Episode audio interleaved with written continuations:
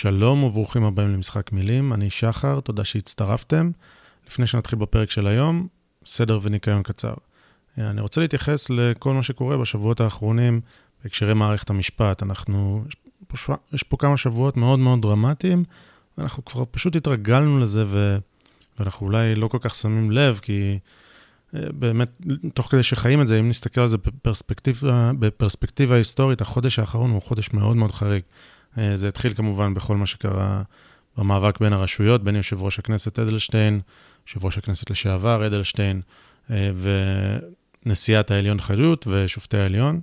אה, וזה המשיך בעוד הרבה דברים, שאחד מהם בשבוע, שבוע לפני שאני מקליט את הפרק הזה, בוטל חוק בישראל, שזה גם, התרגלנו, אבל זה משהו מאוד חריג. וכל המאבק האיתנים הזה, המאוד מוזר, שקורה בין מנדלבליט אה, והיועץ המשפטי וממלא מקום פרקליט המדינה דן אלדד, אה, וכל זה כמה ימים לפני שבית המשפט העליון, בג"ץ, הולך אה, לדון בכשירותו של נתניהו לקבל את המינוי להרכבת הממשלה וההסכם הקואליציוני והכל בעצם ממש על תוצאות הבחירות. כלומר, זה שהצביעו כמה מיליוני איש ישירות עבור נתניהו או עבור מפלגות הלוויין של המפלגה שלו, זה לא כל כך משנה. בסוף מי שיחליט זה מי שיחליט, ואגב, זה לא כל כך משנה גם אם הם יחליטו לפסול אותו או לא לפסול אותו. אה, עצם הדיון אומר, אנחנו יכולים להחליט, או שאנחנו נהיה אה, רחומים וחנונים, או שאנחנו נהיה עם הגרזן. פשוט הרעיון הוא לא מה הם מחליטים, אלא מי מחליט, והם אלה שמחליטים. אז הרבה דברים שקורים בבת אחת. מילה אחת על, ה, על אותו דיון שבבג"ץ, שקורה בתחילת השבוע הבא. אה, ביום ראשון, אני מקליט את זה כרגע ביום חמישי שלפני הדיון הזה. אה, אני חושב ש, שאם השופטים, אני, אני אגב חושב שהם פוליטיקאים במהותם, אם פוליטיקאים קצת מתוחכמים, אז הם לא הולכים לפסול את, נתניה, את נת, נתניהו. יש שם כמה שופטים שלדעתי יפסלו אותו, כי הם לא כל כך פוליטיקאים מתוחכמים, אבל האם התוצאה בסופו של דבר תהיה פסילה? לא יודע. אני כן אגיד שיש חוגים גדולים מאוד בימין, שמקווים שכן יפסלו את נתניהו. כי א', ההסכם הקואליציוני הזה, כולם סותמים את האף כדי בכלל לחשוב על, על הממשלה שהולכת לקום. ו... ואז זה פותר אותנו מהדבר הזה. וה... והדבר השני הוא שגם אם יש אנשים שלא מבינים מה הסיפור עם מערכת המשפט, אה, אחרי דבר כזה הם יבינו, ואז זה יהיה ברור מאוד על מה מערכת הבחירות הבאה, ואם יהיה רוב אה, לצד הימני של המפה הפוליטית, אז יהיו חייבים לאזן את כל מה שקורה פה. אז יש חוגים נרחבים בימין שבאמת מקווים שזה מה שיקרה.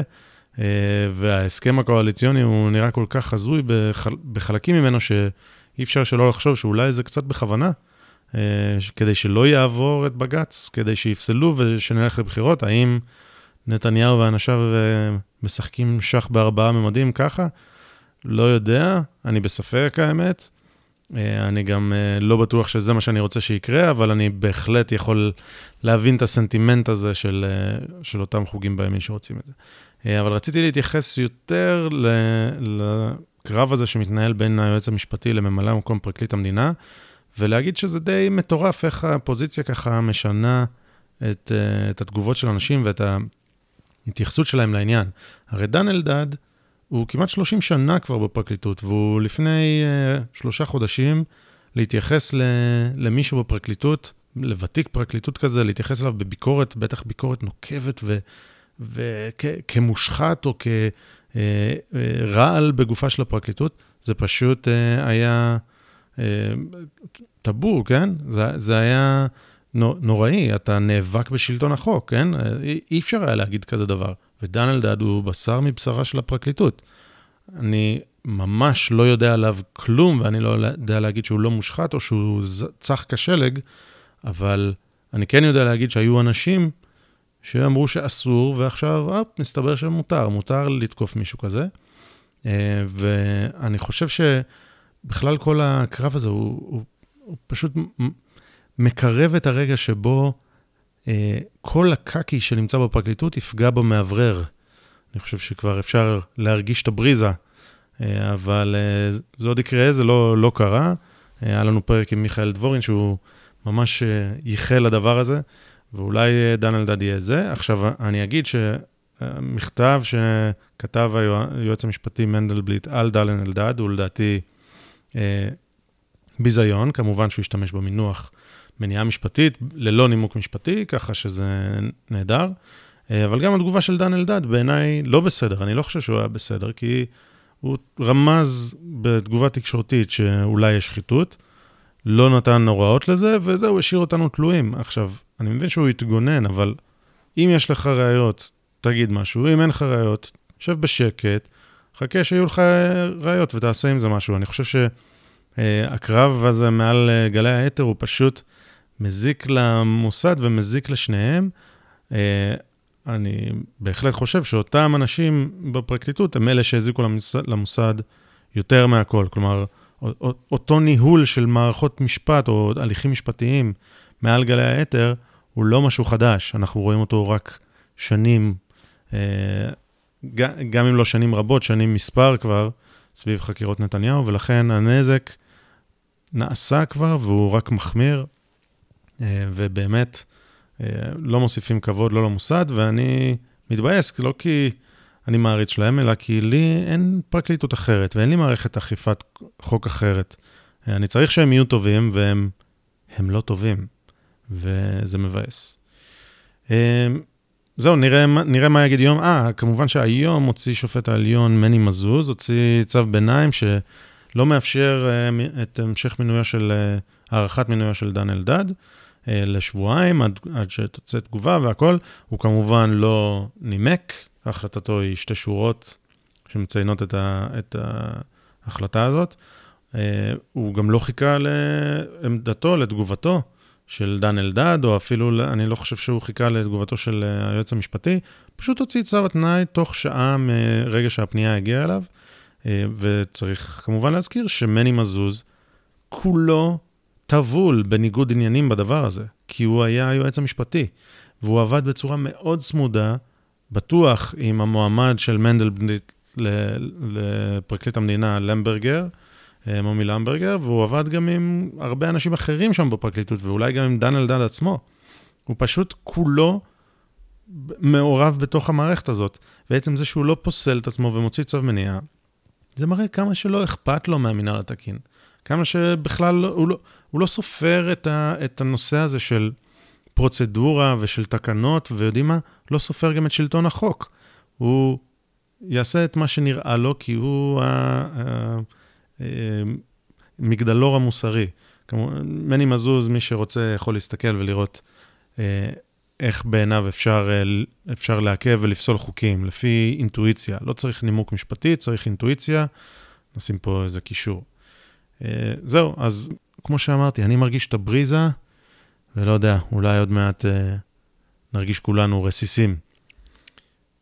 אוקיי, אז זה היה סדר וניקיון, ולפרק של היום. היום אנחנו מדברים, זוהר ואני מדברים עם רועי עידן.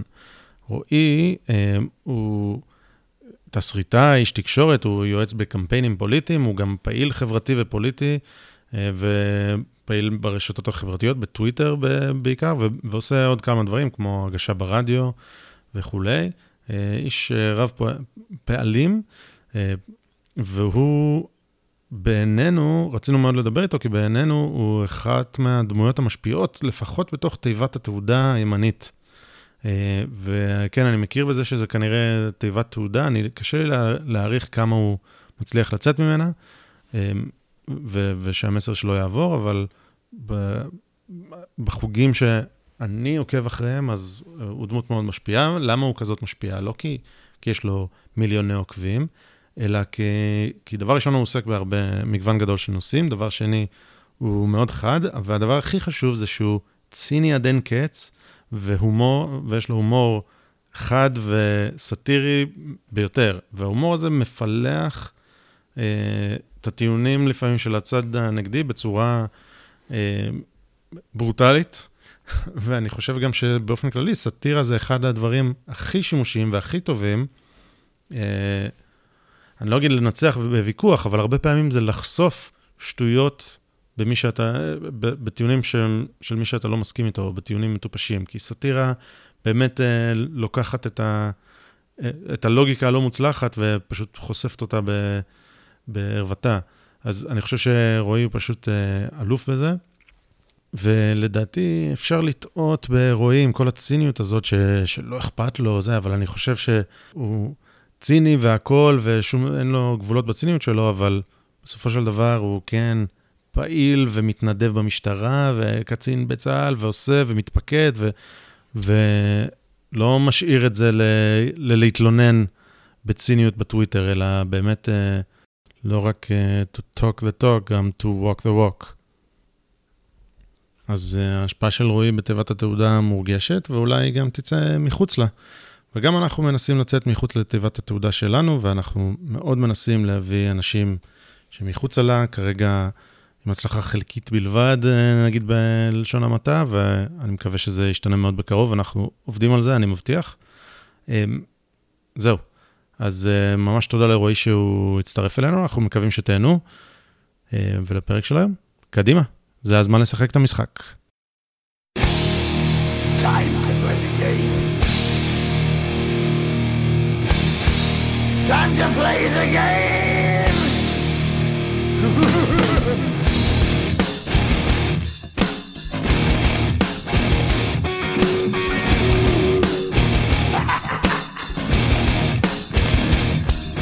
It's all about the game and how you play it. All about control. And if you can take it, all about your debt. And if you can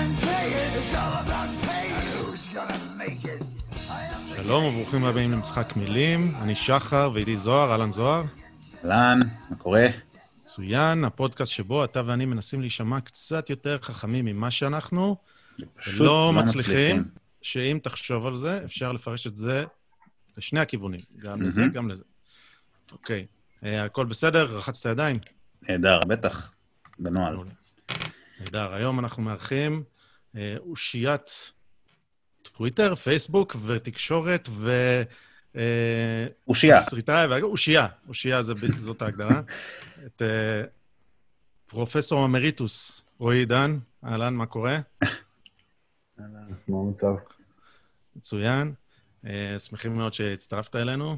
מקווים ששלומך טוב. שמח, אה, שמח להתארח. מעולה. אז נראה לי שאנחנו, יש לנו המון דברים שאנחנו יכולים לדבר איתך, ונתחיל בזה שמי שלא מכיר אותך, uh, תציג את עצמך. אני חושב, אני חושב שיש אוכלוסייה שחיה קצת באינטרנט, שמכירה אותך, mm-hmm. ואוכלוסייה mm-hmm. ש... שלא לא ידעה את הטוויטר, שאין לה מושג מי אתה. אין לה מושג מי אני. אז... כאילו לא ראו, באו לאכול איתי. אולי משם. גם, כן. כן. כן. אז, אז בוא ת, תציג את עצמך טיפה, קצת, uh, קצת מה אתה עושה, מה הרקע שלך, איך אתה מגדיר את מה שאתה עושה. אתה לא באמת פרופסור אמריטוס, לא, תן, לא, לנו את הרקע. לא, ממש לא.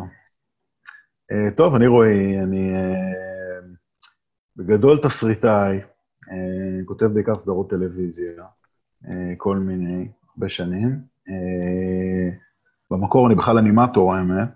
אה, אבל אה, כבר הרבה הרבה שנים אני כאילו בתסריטאות, ומתעסק גם אה, בייעוץ קריאיטיבי, גם לקמפיינים פוליטיים גדולים, וגם לכל מיני חברות הייטק וכאלה דברים. וגם קצת מגיש מדי פעם ברדיו ובטלוויזיה, גם מגיש יחד עם אראל ב-103, למרות שמאז הקורונה כבר ניצלו אותנו, את כל המגישים האורחים, אז פחות. נפגשתי איתו גם בגלי צה"ל.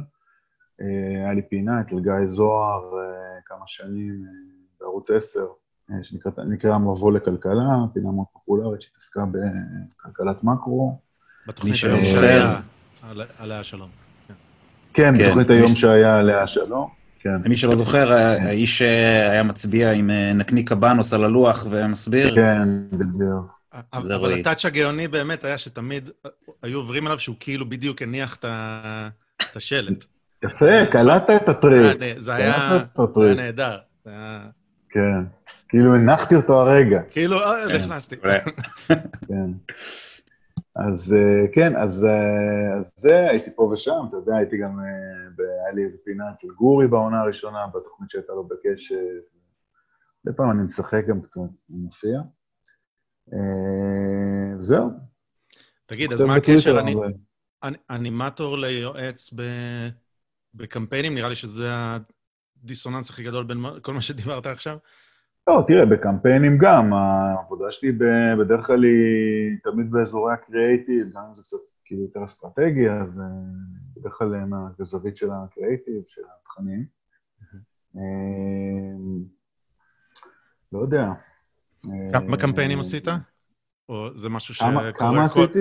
זה משהו שקורה כל בחירות, או שיצא... או שרק... חוץ מהסיבוב האחרון של עכשיו, וכל קמפיין, עשיתי את שני הסיבובים של כחול לבן, ב-2015 עשיתי של הליכוד, ב-2013 עשיתי את של עלי ירוק, והייתי גם, ה... גם רצתי ברשימה, ועשיתי במוניציפלי שני קמפיינים של אסף זמיר, כל. בעצם אחד, עשיתי אחד של אסף זמיר, בשני הייתי סתם כזה, עזרתי קצת, לא, שלא הייתי עמוק בתוך. אוקיי. אה, נראה לי שאפשר, אה, תקן אותי אם אני טועה, אפשר מאוד להגדיר אותך עמוק בימין הליברלי. אה, כן. נכון? אבל... אני גם מאוד אבל זה- פעיל פוליטית, הייתי פעם כן. קצת יותר מאוד בכל מיני יוזמות אה, ימניות אה, ליברליות למיניהן.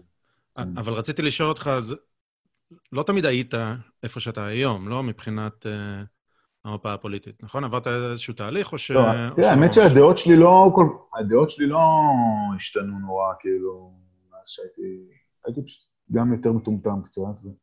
הדעות שלי בגדול הן אותן דעות, לא, לא עברתי איזה, אתה יודע, איזה 180 מעלות. אני חושב שהפוליטיקה זזה מאוד, ואני חושב שה... וגם, אתה יודע, אתה מתבגר, אתה גם, אתה גם מתבגר והפרספקטיבה שלך משתנה קצת על הדברים. גם אתה לומד כל הזמן, אתה קורא ספרים, אתה נפתח לכל מיני רעיונות חדשים, אתה מדבר עם אנשים. דבר אחד שמאוד מאוד השתנה אצלי, כן, שאני יכול באמת לשים עליו את האצבע שלי, זה איך שאני רואה את כל הנושא של חרדים. כי אני גדלתי בסביבה מאוד מאוד חילונית, כזה בחיפה, מאוד כזה... חרדים זה כאילו מין משהו מה, אתה יודע, אתם יודעים, מהחלל החיצון. וגם פה, בפוליטיקה תמיד קצת הייתי, הייתי מאוד פעיל בשינוי ב-2003, וטומי לפיד, כאילו, הייתי מאוד כאילו בקטע, מאוד היה לי תחושות, אה, אתה יודע, של אה, עושק וגזל אה, מול החרדים, ועם השנים גם הכרתי יותר אנשים, גם התחלתי להבין קצת יותר את ה... כל הבלופים, גם הפוליטיים, גם התקשורתיים, והיום אני הרבה יותר אה, מפוקח ומפויס אה, בנושא הזה. אה, אז כן, זה, האמת היא, זה הדבר העיקרי שהשתנה אצלי כל השנים. אוקיי. פשוט שמע, מה שפעם היה כאילו מפלגת העבודה, זה, היום זה כבר ימין קיצוני, היום זה בנט, אתה יודע. כן, הנאום האחרון של רבין בכנסת. אה, כן, השמאל אה, זה השמאלה, אין מה לעשות. אז זהו, זה אז אתה אומר. אז אתה אומר שהפוליטיקה זזה, אז בעצם הכל דריפטד ככה שמאלה-שמאלה ואתה נשארת איפה שאתה? אין, אה, עם אה, טאצ'ים כאלה ואחרים, כן. אוקיי. אה, אתה יודע, למדתי יותר על כלכלה, אז הבנתי יותר, כאילו, אתה יודע, לא שהייתי איזה סוציאליסט, כאילו, אבל... הייתה לך אינטואיציה, ופתאום... אה, לא, אני גם, תשמע, אני גם גדלתי בארצות הברית, אז כאילו, וגם בבית שיחסית היה מאוד ביקורתי כלפי אה, מנגנוני ההסתדרות וכאלה דברים, אז אה, אי אפשר להגיד שבאתי מאיזה רקע סוציאליסטי והפכתי לאיזה קפיטליסט. ואני, כאילו, נשאר לי אותו, אותו vibe. יפה. המשפחה שלך מארצות הברית או שבשליחות? לא, לא, המשפחה שלי ישראלית לגמרי, אבל פשוט היינו הרבה בשליחויות. הבנתי. טוב, אה, כמה, מעול- כמה פעמים. הבנתי. טוב, מעניין. אה, על הכיפאק, אז יש, אה, כמו שאמרנו, אתה פעיל מאוד, ופעיל מאוד באינטרנט, ברשתות החברתיות, ונדמה לי גם ש... נדמה לי שיש לך השפעה מאוד גדולה, הרבה יותר ממה ש... מכמות העוקבים שלך אולי, כי אני חושב שאתה איכשהו אתה מחובר ל... להרבה מאוד אנשים משפיעים. אה, ככה נדמה לי. אה, אז, אז כאילו, התכנים שלך מגיעים יחסית רחוק. ואולי אני עכשיו מדבר מתוך, מתוך תיבת התעודה, כי כאילו אני רואה, רואה אותך. הרבה, אה, אבל הנושאים שאתה מדבר עליהם לא מעט, הם, כמו שאמרנו, הנושאים של כלכלה והנושאים של גם הדיפ שטייטל, הפרקליטות וזה, שאנחנו ניגע... כן, זה עוד נושא שמאוד, כאילו, עם השנים... אה. השתנה. התחדד לי הנושא של מערכת המשפט, כן. כן, פעם לא הבנתי את הקטע. אני, אני גם, יצא לי לדבר עם uh, חבר לפני כמה זמן, אמרתי לו, שמע, אני, אני הייתי, מה שהדובר צה"ל אומר, אתה יודע, זה, זה אמת, לפחות אנחנו לא משקרים כן. כמו נסראללה, כן? ואז אתה תופס את כן. דובר צה"ל משקר, כי, כי אתה היית שם, אם לפחות לשקרים שלו הייתה מטרה טובה, כמו שקרה כן. ו- ואז אתה אומר, רגע, מה, קורה פה? זו פעם ראשונה שאני אומר, או, וואו. ואז, כן. כן, אני סומך על השב"כ. רגע, מה, שב"כ, מה עושה זה? ואז אני סומך על מנגנון אכיפת החוק. ו- רגע, פשוט רגעים של גלולות אדומות, אה, שזה אולי ביטוי שהשתמשתי בו יותר מדי בשבועיים האחרונים. זה, אנשים בדרך כלל מבינים את זה רק כשזה מגיע אליהם. בארץ. אה, כשזה אוקיי. מגיע אליהם, פתאום אני מכיר כמה אנשים כאלה. אז, אז הגיע בוא, אליהם ל... אז בואו בוא נדבר, התחלנו כבר, צללנו על זה, בואו בוא נדבר על מערכת המשפט, או שלטון הפקידים, או איך שאתה לא רוצה, הדיפ שטייטל. מה באמת Mhm. היו הרגעים שלך, ש... האם זה הגיע אליך, שבגלל זה שמת לב לזה, ובאמת שאתה כותב על זה יחסית אה, הרבה, ואנחנו מדברים על זה הרבה יותר ממה שציפינו לפני שנה. כלומר, אה, אה, אמרתי Mhm. לגדי, זה לא, זה לא שהתחלנו להתעניין במשפט פתאום. פשוט המשפט שם. את ידיו, המשפטיזציה של הפוליטיקה, אה, אז יצא שאנחנו מדברים על זה כמעט כל כן. הזמן, אז בוא, ראוי שנתחיל בזה, אם, אם אנחנו כאן. אה, מה, אה, מה היו הרגעים שחשפו לך? כן. אני חושב שהרגע הראשון שחשף לי את הנושא של מערכת המשפט ואת הבעייתיות שלה בישראל היה סביב בניית גדר ההפרדה. אה, אני לא יודע אם אתם זוכרים, היה כאילו סיפור, היה מלא בג"צים, ובג"ץ שם מלא מקלות בגלגלים לתוכנית הזו. ואני אני זוכר, אני ממש זוכר, שכאילו, פשוט לא הבנתי, כאילו, מה, למה? מה... למה, למה הם מתעסקים עם זה בכלל? מה... ואז לאט לאט, אה, אתה יודע, התחלתי ככה, גם, גם כאילו התחלתי טיפה להיות מעורב פוליטית יותר, ולקרוא יותר, ו- ולדבר יותר עם אנשים, ולאט לאט התחלתי לזהות איך בכל נקודה ונקודה אה, בג"ץ בוחר אה, שלא לשרת את אזרחי ישראל, ש- שהוא כאילו אמור לשרת, אלא לשרת כל מיני אג'נדות אחרות, לא, לא, שלאו דווקא עולות בקנה אחד עם האינטרס הלאומי של מדינת ישראל. אה, זה היה לי מאוד חזק בכל נושא המסתננים, שאני כאילו מה... אני כאילו מה, מהגוורדיה הוותיקה של הסיפור הזה. עוד לפני שזה היה... פשוט הייתי מתנדב במשטרה הרבה שנים. ואני... זה היה בדיוק בשנים שזה התחיל, כאילו, התופעה הזאת התחילה להתפוצץ. זוכר שלא הבנתי מה קורה, כי הייתי הולך בעיה בתל אביב פתאום. מאיפה האנשים האלה הגיעו, כאילו, מה הולך פה, מה זה? אז אתה מבין, אתה קולט שהצבא מכניס אותם, כאילו, מסיע אותם באוטובוס, מה זה הדבר הזה, כאילו, מה... בית משפט, אתה יודע, מבטל את ההחזרה חמה, מבטל את גדרה חדרה, מבטל, כל דבר הוא מבטל. אז בנושא של המסתננים, בנושא של, אתה יודע, ברגע שהתחלתי לקרוא על זה כבר, אז קצת כבר נכנסתי לאפרופים ולקשת המזרחית, והתחלתי להבין, ואת כל ה... זה מנגנונים מאוד מורכבים שצריך אה, טיפה להבין אותם, ואז אתה מבין את כל המשחק. אה, וזהו. וקשה קשה זה- להסביר אותם למישהו בשיחת וואטסאפ או בשיחה קצרה של עשר דקות, ואז. כן, זה דברים מאוד מאוד מורכבים. תראה, יש פה גם עניין מאוד מאוד בעייתי, כי מצד אחד אתה, יש המון ביקורת, מצד שני אתה אומר, בואנה, בית משפט זה באמת דבר סופר חשוב, כאילו, אתה יודע, להפך, אני כאילו, לי זה מפריע כי המערכת הזאת, שהיא מערכת סופר חשובה, אחד העקרונות הכי חשובים בליברליזם הקלאסי זה שלטון החוק. אתה יודע, זה חשוב שיש שלטון חוק, זה חשוב שתהיה מערכת אכיפה ומשטרה טובה ובתי משפט טובים. ו... אז, והטרגדיה זה שזה פשוט, אה, זה לא ככה, המצב הוא לא כזה. אז אה, כן, אז כל- אז- כל הביקורת כדי לחזק ולא כדי להחליש, זה- זה גם נקודה שקשה למכור. כן, סליחה. אה. כן, הבעיה של, לי- הבעיה של לחזק, הבעיה של לחזק בסיטואציה הנוכחית אומרת ל- ל- להרוס הכל ולבנות מחדש, כאילו אין פה, אתה לא יכול, אין לך, מה שעכשיו קורה לך פה, אתה אין לך איך לצאת מזה. זה רק ל... ל- לבנות מחדש. נראה לי, אבל אנחנו קצת כל, מדברים עכשיו כל באמת... הפאצ'ים האלה. נראה לי אנחנו באמת קצת מדברים מתוך תיבת תעודה, כמו שקראנו לזה, כי אנחנו כן שנינו עוקבים אחריך, ואתה בטח עוקב אחרי עצמך. אז בוא נגיד, אני עכשיו... אה, אחרי רועי עידן הביביסט. אז נגיד אני עכשיו לא יודע, לא יודע מה זה deep שטעטל, אין מושג על מה, מה זה deep, מה זה שטעטל בכלל. אה, בואו ננסה לסדר את זה, להסביר מאלף עד תף מה בגדול, כאילו, מאלף עד תף עם קפיצות בין אותיות, כן? ממש בגדול. אה, מה, מה הטענה בעצם? יש פה איזה גוף, בג"ץ, משהו שמנסה... הטענה, איזה... היא, הטענה היא מאוד פשוטה. הטענה היא מאוד פשוטה. הטענה היא שבדמוקרטיה יש שלוש רשויות, רשות שופטת, רשות מחוקקת, רשות מבצעת, אה, שאמורות להיות שוות, נפרדות ושוות, וכל אחת עם מערכת בקרה אחת על השנייה. איזונים ובלמים. כל הדברים. עכשיו, בישראל, עכשיו, לנו יש שתי בעיות בדמוק... במבנה של הדמוקרטיה הישראלית. הבעיה הראשונה זה בעיה של הרשות המחוקקת שלנו מאוד מאוד מאוד חלשה. זה למעשה, פעם אמר לי איזה דיפלומט אמריקאי שזה fake parliament, יש בזה הרבה מן האמת. מכל מיני סיבות, כי לרש... בעיקר כי לרשות ה... מבצעת וגם לרשות השופטת יש אינטרס שזה יהיה ככה.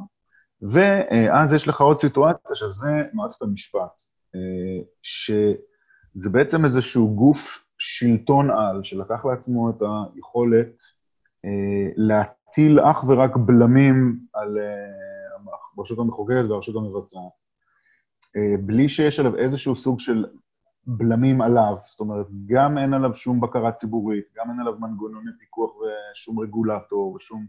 והם פשוט עושים מה שהם רוצים, הם פשוט אה, בהבל פה יכולים אה, אה, לבטל אה, החלטות בניגוד לחוק, בניגוד לחוק יסוד, בניגוד לאינטרס לאומי, מה שהם רוצים יכולים לעשות, אין שום אבל דרך... אבל הם הפרשנים המוסמכים של החוק, והם פוסקים לפי הדין הקיים, לא? הם לא... אני יכול להראות לך עשר מקרים שבהם לא פסקו לפי הדין הקיים ולפי... פסקו בניגוד לחוקים מפורשים, כאילו, שעברו, שכולל חוקי יסוד. אתה יכול להגיד עכשיו, אפילו שהפסיקה הזאת, כל פסיקה בנושא מסתננים, הגירה, איחוד משפחות, זה, שלא מתייחסת לחוק יסוד הלאום, היא, אתה יודע, כבר לא לפי החוק. אין עליהם שום, אין עליהם, אין עליהם שום, יש להם 100% אה, סמכות ו-0% אחריות. הם נהנים מתנאי שכר ופנסיה אה, מגוח... פסיכיים לחלוטין, כאילו, ללא כל אה, השוואה לאזורים אחרים בשירות הציבורי, אתה יודע, השופטים מרוויחים פי שתיים מראש ממשלה, הזוי בעיניי. יצרו לעצמם איזה מין קאסטה, הם בוחרים את עצמם, אתה יודע, נפוטיזם שם זה חוגג. הם יצרו לעצמם כל מיני זרועות כאלה בתוך הייעוץ המשפטי, גם הייעוץ המשפטי לממשלה וגם בכל הייעוצים המשפטיים השונים של המשרדים ובפרקליטות. הם יצרו לעצמם איזשהו מנגנון כזה שבעצם הם שולטים בו גם, ובהתנהלות שלו, והוא בעצם מנהל את המדינה הזאת. Uh, עכשיו, אני לא מאלה שאומרים, יש פה איזו קונספירציה של אנשי לטאה וכל זה, כי בסוף זה פשוט עניין של כוח. יש פה אנשים שהצליחו לצבור לעצמם המון המון המון כוח מול רפיסות מוחלטת של נבחרי ציבור uh, בדרג הפוליטי. Uh, והם uh, פשוט גם משמרים את הכוח, גם מיישמים את הכוח, ואין להם, אין שום אין משמעויות למעשים שלהם, אז למה שהם לא יעשו את זה? אם, אם היינו נותנים לך, רועי עידן... כן, אם היינו כן. נותנים לך, רועי עידן, את הכוח עכשיו לקחת החלטה, לכתוב מסמך על דף, ובככה לשנות את uh, דברים שקשורים להסתדרות בישראל, אוקיי? שקיפות וזה. אה, אם היינו נותנים לך את הכוח הזה, אז אתה היית משת... כאילו, היה פיתוי מאוד גדול להגיד, או, oh, אני אכתוב דף ותהיה שקיפות על ההסתדרות, כי אני, אני משנה את החברה לטובה, אז נותנים לי את הסמכות, אני אקח אותה. אז, אז אה, כן, לחזק את הנקודה שלך, שזה עניין של כוח. העניין זה נותנים לי את הסמכות הזאת. בדיוק. העניין זה נותנים לי את הסמכות הזאת. בדיוק, אני אומר, אנחנו רק... בדיוק. ברגע שלקחת את הסמכות, אתה לא תוותר עליה, כי... למה דווקא לי? כן. האם זה רעיון טוב? אגב, אני... אני רק אגיד נקודה טובה. נקודה טובה, שחר, להזכיר את האתגר שלנו, שנתנו למאזינים. אם למישהו יש איזון או בלם אחד שהוא מכיר שיש על בית המשפט הישראלי, אה, נשמח לשמוע. כן. תציפו, תגידו לנו. ביקשנו את זה מעורך דין תומר נאור, שהיה אה, פרק מעניין איתו לאללה. ביקשנו איזון אחד, ואנחנו מחכים עוד לתשובה ממנו ומכל כן. המאזינים. רק איזון אחד, בבקשה, ואז נאכל את הכובע. אבל טרם קיבלנו. אז ב- תמיד אני נותן את הציטוט הזה, ש... ש... או אולי לא תמיד, כי אני לא זוכר אותו בעל פה, אבל אני מנסה, שאומרים לי ששופטים לפי לא, הדין הקיים... לא, אמרת תמיד, אחי. אז, אז בסדר, אז שיקרתי, כרגיל, אבל הציטוט כתשובה למי שטוען שבג"ץ שופט לדין הקיים הוא ציטוט של אחד אה, בשם אהרון ברק, שאומר, כמשפטנים, איננו מוגבלים לפירושו אה, ולהפעלתו של הדין הקיים. אנחנו חוד החנית של השאיפה לדין רצוי יותר וטוב יותר, דין שאיננו לוקח בחשבון בלה בלה בלה, ומסיים במשפט, אנחנו הארכיטקטים של השינוי החברתי. אז בעצם בפקולטות למשפטים, ב, לא יודע, בקריית אונו, מלמדים ארכיטקטורה של שינוי חברתי. זה מה שהם מלמדים, אני פשוט לא ידעתי את זה, ולכן כן. אה, חשוב, חשוב להבהיר את זה. ואגב כך, מספקים למד... לאזרחי מדינת ישראל שירות מאוד גרוע בתור אה, שירות ממשלתי של משפט. אה, כל אחד יודע כמה שבתי המשפט הם שירות ציבורי גרוע, זאת אומרת, אתה מקבל, הדיונים הם... כאילו זה, זה, ארגון, זה, זה ארגון מאוד מאוד כושל, כאילו, בסופו של דבר. זה לא שהם כאילו נורא טובים במה שהם עושים. ארגון מאוד כושל, גם אתה יכול לראות את זה במדדים בינלאומיים, אה, עושה הרבה נזק. אוקיי, okay, אז בתי המשפט זה משהו אחד, ואני, דבר אחד שאני בשנתיים האחרון, האחרונות, ואני חושב שאני לא היחיד, אמרתי, אוקיי, בתי המשפט, הבנתי את זה כבר לפני כמה שנים, שזה לא בסדר, ככל שאתה נחשף יותר, אתה מבין כמה, כמה זה לא בסדר. אבל בשנתיים mm-hmm. האחרונות פתאום יש גוף שלא שמעת... מי, מי זה שי ניצן? מה, מה, על מה אתם מדברים? פתאום הגוף הזה שנקרא פרקליטות, mm-hmm. פתאום גם הוכח כגוף אפס... אה, זה חלק מזה, זה חלק מאותו, מאותה מערכת. עם אותן. אה, נורמות, עם אותן נורמות. אבל, אבל תסביר את זה, כי הפרקליטות, למי שלא מבין את ה... Mm-hmm. זה, זה חלק ממשרד המשפטים, אוקיי? וזה חלק מהרשות המבצעת. אז מה, אז מה הקשר בעצם? ואני למה, גם... למה אתה אומר שזה אותה מערכת? למה? ואני גם רק אה, אחדד את זה, טיעון שאני מקבל הרבה פעמים זה שאני התעוררתי לכל הסיפור הזה רק בגלל החקירות נתניהו. זאת אומרת, אני, אני, אני צבוע, אני ביביסט, ואני... רק כשזה נוגע לביבי, אז זה מעניין אותי. עכשיו, בתכלס, לא מעניין אותי בגלל שזה ביבי, אני חושב שמגיע לו כי הוא אה, בישל את הדייסר הזה בעצמו, אבל... אה, אבל, אבל זה פשוט חשף אותי באמת לכל מה שקורה שם, אז, אז לא יודע, אם אתה יכול גם להתייחס לזה, שזה לא באמת רק נוגע לתיקי נתניהו, יש שם משהו הרבה יותר אה, יסודי. לא, ברור, תיקי נתניהו זה רק uh, the shit has hit the fan, כמו שאתם uh, כותבים, כאילו, זה רק uh, פשוט הכל יוצא החוצה בגלל זה. Uh, אבל uh, פרקליטות שוב, עוד פעם, ארגון uh, שאין לציבור שום, שום ביקורת עליו, uh, ששוב ממנה את עצמו, שיש לו סמכות אה, בלתי נגמרת ואפס אחוז אחריות, שאין אפילו גוף שמפקח עליו. רגע, אבל מה זה, מה זה ממנה את עצמו? שיש לו... מי, מי שמינה את שי ניצן זה ביבי. מכרזים סגורים. לא משנה, אבל כל... לא. א', ברור. הממש, הממשלה, כן. ולכן כל מה שקורה לו עכשיו מגיע לו. ואנשים הזהירו אותו אה, בזמן אמת, הוא קיבל את כל האזהרות, הוא לא יכול להגיד שהוא לא ידע והוא לא זה, כולם, הכל מתועד. אה, אבל אה, הפרקליטות, תראה, מה זה ממנים את עצמם? יש שם לא רק פרקליט מדינה, יש שם סדרה שלמה של פרקליטים שמתמנים דרך כל מיני מכרזים פנימיים שהם בדרך כלל סגורים. זאת אומרת שלא יכולים להגיע לשם אנשים, אני מדבר על התפקידים הבכירים, כן? אנשים לא יכולים להגיע לשם אנשים מבחוץ. לדרג הפוליטי אין כמעט יכולת אה, למנות שם את מי שהוא רוצה, חוץ ממנכ"ל במשרד המשפטים, וזהו בגדול. וממלא מקום כזה, כמו עכשיו, במקרה ויש איזו לקונה בחוק של השר יש סמכות למנות. אה, והם ממנים את עצמם, וככה נוצרות, ככה נוצר פשע מאורגן, כאילו, זה פשוט, אתה יודע, אתה שולט בג'ובים, אתה כמו סופרנוס, כאילו, אז אתה מביא את החברים שלך, ואז הם מעלים אותך למעלה ואת עצמם, ומעלים את האנשים שלהם. וזה מין, זה נהיה שחיתות פה, זה פשוט שחיתות. אבל שמע, זה, זה, זה, זה כן. מינויים מקצועיים, כי ראית, נתנו לפוליטיקאי את הסמכות, מינה ממלא מקום פרקליט. תראה, שאני אין לי... נתנו לפוליטיקאי סמכות, או חוק נתן, והוא מינה ממלא מקום פרקליט מדינה. ותראה, הנה, הוא יצר את הכאוס הזה, הפוליטיקאי יש לו אינטרס לכאוס. ובמקום שיהיה מינוי מקצועי, לפי... לפעמים אה, כאוס זה דבר טוב. לפעמים כאוס. כשיש לך מצב כזה... כאוס is a letter. תקשיבו, כשיש לכם מצב כזה שמערכת, שהיא מערכת, אה, היא גם, זה גם, תראה, מערכת הפרקליטות בכלל, זה, אפשר לעשות על זה פודקאסט שלם רק על זה. תראו, מערכת שמביאה את אחוזי הרשעה, כמו שהפרקליטות במדינת ישראל מביאה, ברור שמשהו שם לא בסדר. נתחיל מזה. אה, עכשיו, להביא, אה, כל מי שעיניו בראשו רואה את ההתנהלות של תיקי נתניהו ואת ההדלפות ואת האכיפה הבררנית, זה לא התחיל מביבי, אתם יודעים, זה כאילו... זה קרה המון המון שנים, ולביבי. לא היה אכפת.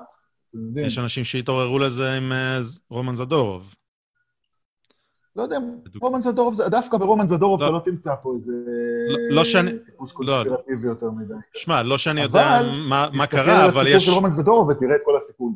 חן קוגל, ועם המכון בדיוק, על זה אני מדבר. על זה אני מדבר, על ההתנהלות. אני לא יודע מה זדורוב עשה. למה, שם זאתי, איך קוראים לה? דינה זילבר שילמה על זה, אם אני זוכר נכון, הייתה שם הפרקליטה נכון. ששינתה... הדחת עד, ו... כן. לא העוזרת הבכירה ליועמ"ש היום. אתה יודע, נכון. זה הכל, אין עליהם, כאילו החוקים לא חלים עליהם, שום נורמה של נאותות ושל זה, ושל שקיפות. טעות, לא יקרה לא יותר. טעות וזה קורה כל הזמן, הטעויות ממשיכות לקרות, הטעויות הטכניות. ובסדר, נותנים לאנשים את כל הכוח הזה. עכשיו, תשמע, בהכל אשמים נבחרי הציבור, אתה יודע. אם היינו צריכים לחכות שיבוא איזה מצב קיצון כזה, ויבוא איזה אמיר אוחנה כזה שיש קצת ביצים ויעשה... יחליט לא למנות את מי שאומרים לו למנות הפקידים. הפוליטיקאים שלנו הם או מטומטמים לגמרי, אין להם מושג, או שהם מושחתים ומפחדים ובצדק, או שהם אה, פחדנים סתם ובטלנים. וזהו, ויש אולי איזה חמישה... או, ש... או שהם לא מושחתים ומפחדים ובצדק. בדיוק, או שהם לא מושחתים. אני, אני עכשיו נכון, לא גר ב... נכון, לא צריך להיות מושחת בשביל לפחד. בדיוק, אני, אני עכשיו גר בארצות הברית, אוקיי? ואני אחזור לארץ, והאם כל הסידורים של המיסים אה, אני עושה כמו שצריך, אני מנסה, אבל יכולים לתפוס אותי איזה מומחה מס מהפרקליטות, יכול זה, אז, אז נאמר ואני עוד 20 אה, שנה אהיה בכנסת, אז יכולים לתפור אותי. אתה לא יודע כמה שאתה צודק כי רשות המיסים זה גם עוד נושא לפודקאסט נפרד. אוקיי, אז אה, קבענו כבר שני, שניים קדימה. בכלל, באופן כללי, המערכות האכיפה במדינת ישראל פועלות לפי, הרבה פעמים לפי שיטת מצליח. כן. אה, כן.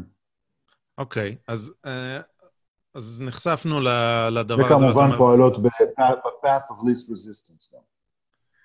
כן, אז בסופו של דבר באמת, עם כל הביקורת, וגם למערכת המשפט וגם למערכות האחרות של הפקידים, האחריות מונחת על כתפיהם של נבחרי הציבור, ובעצם הביקורת שלנו, תמיד, כמה שאנחנו לא תמיד. נבקר, כמה שלא נבקר את... Mm.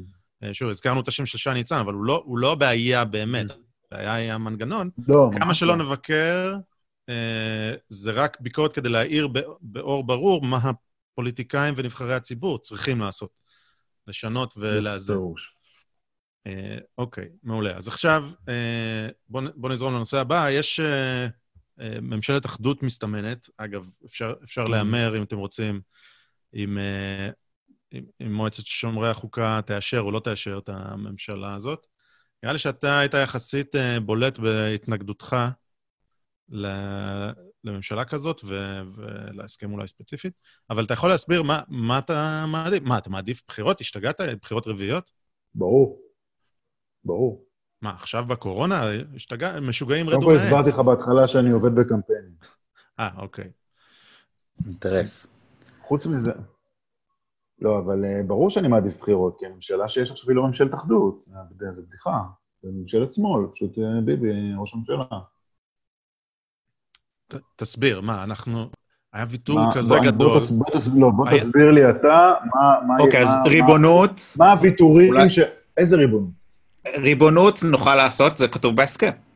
בעצם אה, זה בכלל לשבת... בכפוף להסכמה של האמריקאים, בזה... אתה... עזוב, גם בוא, גם ביבי לא באמת רוצה לעשות זה.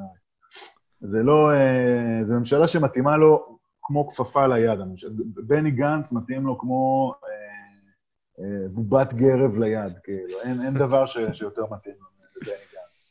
וביבי, כמו שהיה בצוק איתן. וכמו כמו צוק איתן, ככה הממשלה הזאת תראה.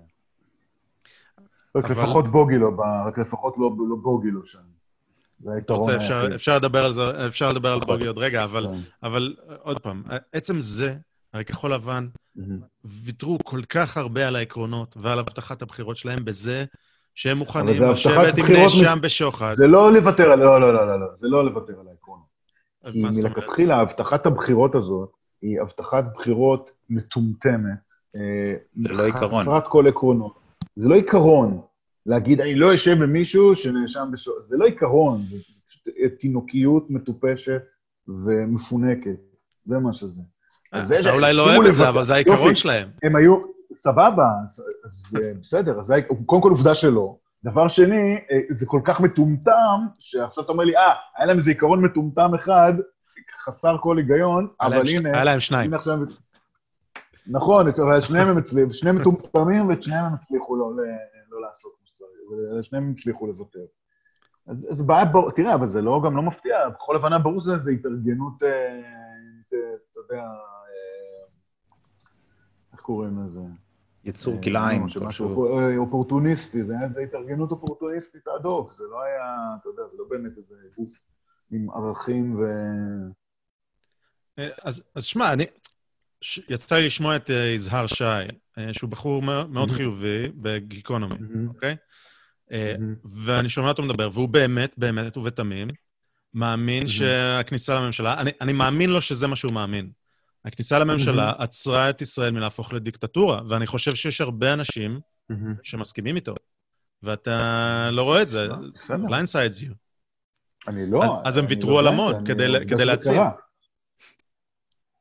הם לא ויתרו על המון. מה שהם כן עשו, ופה אני כן אה, דווקא רוצה לפרגן להם וגם לפרגן לבני גן, תראה, האנשים האלה הם אה, פוליטיקאים בישראל באופן כללי, יש להם אור מאוד מאוד דק והם מאוד מאוד רגישים למה שכותבים עליהם בטוויטר ואומרים עליהם בטלוויזיה וזה, והרבה פעמים זה מה שמנחה את ההתנהלות שלהם. והם אנשים מאוד חלשים. ופה היה ברור הרי שאם הם נכנסים עם ביבי לממשלה, מה שהם יחטפו זה זובור ש...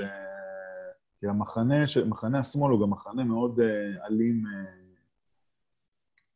מסוגל להיות מאוד מאוד אלים, לא לאו דווקא פיזית, אבל מאוד אלים אה, כלפי אנשים אה, מהסוג, כלפי אירועים מהסוג הזה. והם הלכו, ואני חושב שהם הלכו לזה בעיניים פקוחות, והחליטו שהם עושים את זה, כי זה ה... בוא נודה לאמת, זה היה כאילו, ה... ככה יצא. אז, אה, ואני חושב שזה שהם הלכו לתוך הדבר הזה ביודעין שהם יוכלו חצץ, כן. אז uh, אני חושב שזה דווקא די מרשים, אני לא מזלזל בכלל במהלך הזה שלהם. אני פשוט אישית, הממשלה הזאת לא סיוט שלי, אבל uh, ב- ברמת הזה, אני מבין את המהלך שלהם, אני, העיקרון, אני חשבתי שהעיקרון שלהם לפני זה היה מטומטם, להגיד, אנחנו לא... זה השטות הזאת? מחר בבוקר, אם, לא, אם הייתה פה מערכת חוק, אכיפת חוק נורמלית, שלא עוסקת באכיפה בררנית ובאיפה באיפה, אז בני גנץ היה כבר עם כתב אישום, לדעתי, בוודאות, על הממד החמישי. אפשר ל- לחשוב, בוודאות. כל- כל ה... או שלושה אין מארבעת הבכירים אין מצב שזה לא, אין מצב שזה לא, אם הדברים הם כפי שאני מבין אותם, אין מצב שזה לא... זה פלילי, כאילו, אין... כן. לא זה... כן, בלי לצלול יותר לא מדי, זה- אתה מדבר על הממד לא- החמישי, לא שם... רצח, כן. כן, לא שם היה פטור ממכרז. אה, לא רצח סדרתי, אבל עבירת שחיתות-. שהיא מאוד נפוצה גם. זה לא אה. כמו שהצבא בשתיקה. אני, אני שמעתי איזה תיאוריה, תגידו לי אם אתם, אה, מה אתם חושבים עליה. אני שברתי את הראש, לא הבנתי למה שביבי ייקח, אה, ייקח את אה, שמולי ופרץ לממשלה שלו. איזה סיבה יש לו לתת, לו לתת להם כל כך הרבה דברים, זה היה לי לא הגיוני בכלל. ואז שמעתי איזה הסבר שהוא פשוט כזה פוליטיקאי גדול, שהוא רואה. כמה צעדים קדימה, הוא מחכה שבג"ץ יפסול את זה, את ההסכם, יעיף את כחול לבן, יעופו בעצם מה, מההסכם, מהקואליציה, ואז הוא בעצם יוכל לקחת את, אה, את העבודה אליו בשביל שיהיה לו את ה-61. איך זה כן, אבל לדעתי הם יתאחדו עם כחול לבן לקראת הכניסה כן. לקואליציה. פשוט, בגלל זה זה הסיבה שהוא נתן להם, כל כך הרחיק לכת עם ה... לא, אבל זה אבל לא משנה, כי? הם, הם, הם יתאחדו עם כחול לבן בשביל להיכנס לקואליציה. כן, הוא לא יוכל הם לקלף חתמו אותם. על הסכם איחוד עם כחול לבן. הם כבר לא כאילו, הם כאילו בתוך, בתוך סיעת כחול לבן. בכלל, כל ה- כל האיחודים, פיצולים שם, זה כזה קקפוניה, אי אפשר לעקוב. זה, זה דוגמה, זה דוגמה ל- לזה שהכנסת שלנו א' קטנה מדי, אחוז החסימה או נמוך מדי או גבוה מדי, הוא צריך להיות או הרבה הרבה יותר גבוה, שזה קצת בעייתי, או הרבה יותר נמוך. אה, ואז לא יהיה לך את כל השטויות האלה, את כל. תשמעו, אני, אני, אני אישית, תראו, יש 50 אחוז ממצביעי השמאל, לפחות 50 אחוז. יש 50 אחוז שאין להם בעיה, נראה לי, עם זה שהם נכנסו לממשלה עם ביבי. אבל יש 50 אחוז בוודאות, שתשמעו, אני מכיר את האנשים האלה, הם גנבו להם את הכל. אז זה לא יעזור, האנשים האלה הלכו, הצביעו ל... למפלגת אה, מרץ עבודה הזה, או לכחול לבן הזה, והם לא רוצים את ביבי. ועם הקול שלהם הלכו ועשו את זה. כאילו, וזה המון אנשים. זה, יש בזה, תראו, זה לא לעניין. כמה שאני שמח לעידן, כן, אבל זה, זה לא לעניין. נראה, נראה לי ש... ולא משנה כמה ההבטחת בחירות הזאת של רק לא ביבי הייתה מטומטמת, וזה מסר מטומטם, ומגיע להם, וזה, וזה פשוט, וזה הכל נכון, אבל זה, תשמעו, גנבו להם את הכל. זה לא צחוק. וזה גורם, וזה מסוג הדברים שגורם... כמו שאני, תראו, כמו שאני אה, כל הזמן מרגיש שאני מצביע לימין וגונבים לי את הכל, כי בסוף הממשלות הן לא באמת ימין. כי הם לא עושות כלום עם בג"ץ, והם לא עושות כלום זה, והם עושות קוקסינליות מול המחבלים ומול הזה. זה רע. וזה גורם לחוסר אמון בדמוקרטיה. ועכשיו זה קורה לעוד הרבה מאוד אנשים במדינת ישראל אה, בסיטואציה אחרת, וזה מצער אותי. כן, אה, לא התפתחות חיובית. אני, אני חושב שבאופן... אה, ש, שהכניסה של שמולי ופרץ היא אפילו הרבה יותר קיצונית, כי שם זה היה בכלל... כאילו, ברור שהם בכלל, יש שם מרחק כן, מאוד גדול. כן, הם רצו עם מרץ, כאילו. מה לדבר. כן, כן. זה, זה ממש לא ברור, ואתה רואה איך מרב מיכאלי מתפלצת מזה, אומרת, מה, מה לעזאזל? כן. ו... כי בניגוד ל... הבא, היא צודקת. היא צודקת מאה אחוז. ושמולי ופרץ, אני אגיד לך מה עוד, אבל מה, שמולי ופרץ, למה הם חילות? כי הם לא האמינו באמת, אובייסלי, ברק לא ביבי הזה. הם כאילו, זה, הם זרקו את זה לבבונים, לעדר השמאלני, שהוא עדר הרבה יותר מאשר העדר של הימין, זרקו לו את הרק לא ביבי הזה, ואמרו זה, אבל הם לא באמת האמינו בזה. אז ברגע, אתה מבין, כי הם ידעו שזה מטומטם. אז מה אתה אומר בשונה... מטומטם למצביעים שלך, נכנס עם זה לכנסת, ואז הולך עושה ההפך? כן, אתה כאילו, אומר בשונה מ... פגעת במצביע, האנשים שלך פעמיים. כן. לא, גם כחול לבן, זה אותו סיפור. לא, אני אומר, כחול לבן אמרו גם לא נלך, אה, לא נשען על תמיכת הערבים. כחול לבן עוד יכולת קצת לחשוד, בסדר, אבל העבודה, זה היה, הם רצו עם מרץ, כן. יאיר גולן. זה לא, זה היה שמאל, שמאל, כאילו, זה לא, אתה יודע, אנשים לא, לא הצביעו לכחול לבן, הצביעו להם, כי אמרו, טוב, הם בטוח לא ילכו עם ביבי. אתה יודע, זה אנשים של... אז אני רק אגיד ש... לא. יש, יש אנשים בשמאל שהם גם לא עדר, והם מאמינים באג'נדת שמאל, ואת זה פרץ ושמולי באמת הולכים לקדם בממשלה הבאה. הם יעשו את זה יופי אה, יופי. ברור. אז, אז במובן הזה... יהיה לנו בהצלחה עם זה. כן. כן, יש, יש פוסט של רועי שוורץ תיכון, שהוא נקרא, העמוד שלו נקרא "לו הייתי שר אוצר", שמפרט את ההישגים של שמולי ופרץ בהסכם הקואליציוני, והם בלתי מבוטלים, אה, ומי שיש לו נטייה כלכלית ימנית, קורא ומזדעזע, הדמעות. אה, אוקיי, אבל, ש, אבל שאפו להם, מהלך פוליטי לצורך העניין חזק, למרות, ש, למרות מה שאתה אומר, הנזק לטווח ארוך הוא חמור, כי זה, זה גנבת קול ופוגע לאנשים באמון במערכת הפוליטית. אוקיי, אה, כן. אז, אז, אז נראה לי שזה מביא אותנו, אה, אם אה, אתה מדבר על הבטחות לעומת ביצוע, ואיך זה יוצא בתקשורת לעומת אה, מה קורה בסוף. בוא נדבר רגע על התקשורת. אתה, אתה נציג התקשורת פה, אה, תוקף היותך מגיש רדיו ומגיש גם בטלוויזיה לפעמים ו- וכולי. אז מה, בסוף התקשורת, יש הרבה ימנים שמתבאסים על התקשורת, אוקיי? אה, אבל כן, שמע, בשנות ה-90 באמת התקשורת הייתה מונוליטית. אבל היום, מה אתם מתלוננים? תפסיקו כבר להתלונן על התקשורת, כי יש לכם היום את עמית סגל, ואת קלמן ליבסקין, ואת אראל סגל, ועוד סגל שלא תרצה, ואת uh, ברדוגו, אז מה אתם מתלוננים? תפסיקו כבר עם הדבר הזה, תפסיק. לא, חל שיפור, אין ספק. אה, אין ספק שחל שיפור. אה, אבל יש, הבעיה עדיין קיימת. תראו, בסוף, אה, אתם יודעים, הפאנל של אולפן שישי ויום שישי, או הבוקר של גלי צה"ל, או כאילו, יש את העוגנים, העוגני רייטינג האלה, מאוד חזקים, חלקם במימון המדינה, שהם אה, עמוק עמוק עוד בשנות ה-90, כמו שאתה אומר. אתה יודע, באולפן שישי רוב הזמן זה שנות ה-90. זה, זה, זה המשחק של אמנון אברמוביץ', וברדיו זה שנות ה-90, זה רזי ו... ורינו, ובגלי צה"ל. וב... אתם יודעים, זה עדיין השמורות טבע האלה עדיין קיימות. אבל, אבל אה, כן, הוקטור הוא חיובי, כמו הרבה דברים. אוקיי, אז היה שינוי, אז, אז, אז צריך להמשיך, אה, כאילו, זו נקודה כן, אבל מתה, גם אתה... ימנים צריכים, ימנים גם צריכים אבל להצביע בשלט. אתה יודע, הם לא עושים את זה כרגע, זה לא שהם עוברים כולם לראות ערוץ 20. נכון שהמוצר של ערוץ 20 עוד לא מספיק טוב וזה, אפשר לדבר.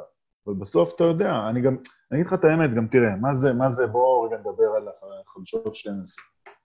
בסוף כמה רייטינג יש לחדשות 12?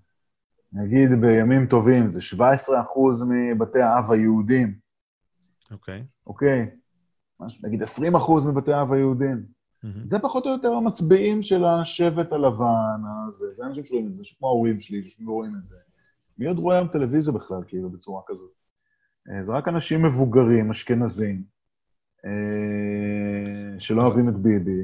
יש גם קצת אה, אולי מעמך ישראל ש... שצופים בזה גם, ו... וזהו. לא, אבל, אבל אני, אני דווקא, בנקודה הזאת אני לא כל כך מסכים, כי, כי הבעיה היא לא המהדורה. מה זה בע- בעיה? Mm. הסוגיה היא לא המהדורה.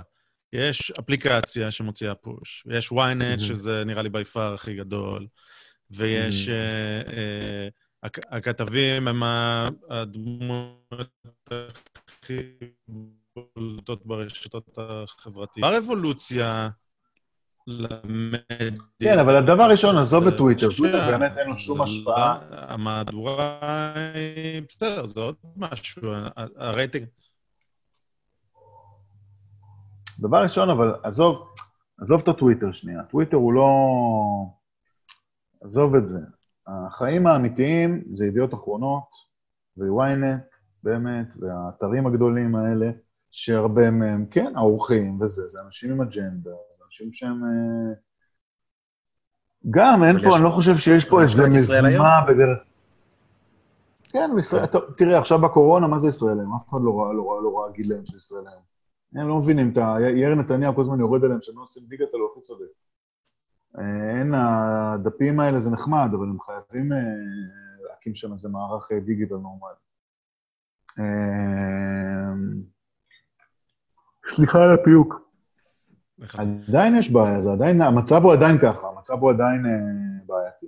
אני חושב אבל שיותר ממה שהתקשורת היא שמאלנית, היא קצת אה, מטמטמת את הציבור. אוקיי, זאת זאת נקודה אותו. חשובה שרצינו להגיע אליה. אה, הכתבים, הרבה מהכתבים ברמה מאוד מאוד נמוכה. והכתבות.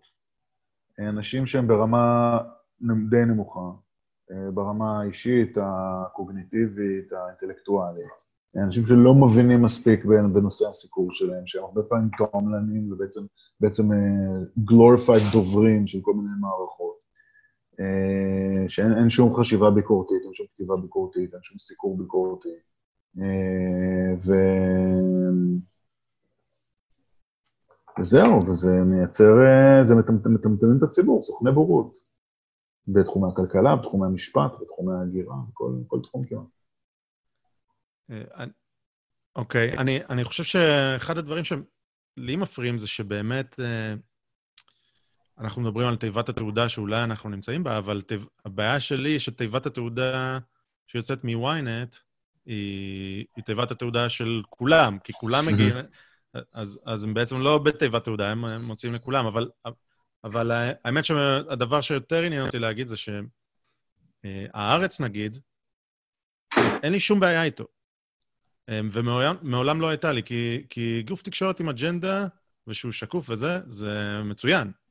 אתה קורא את זה עם גרגר מלח, ואתה יודע מה זה, והבעיה כן, הבעיה עם הארץ היא רק, אה, בעיניי, בעיניי הבעיה עם הארץ היא רק עם הארץ.קום, לא עם.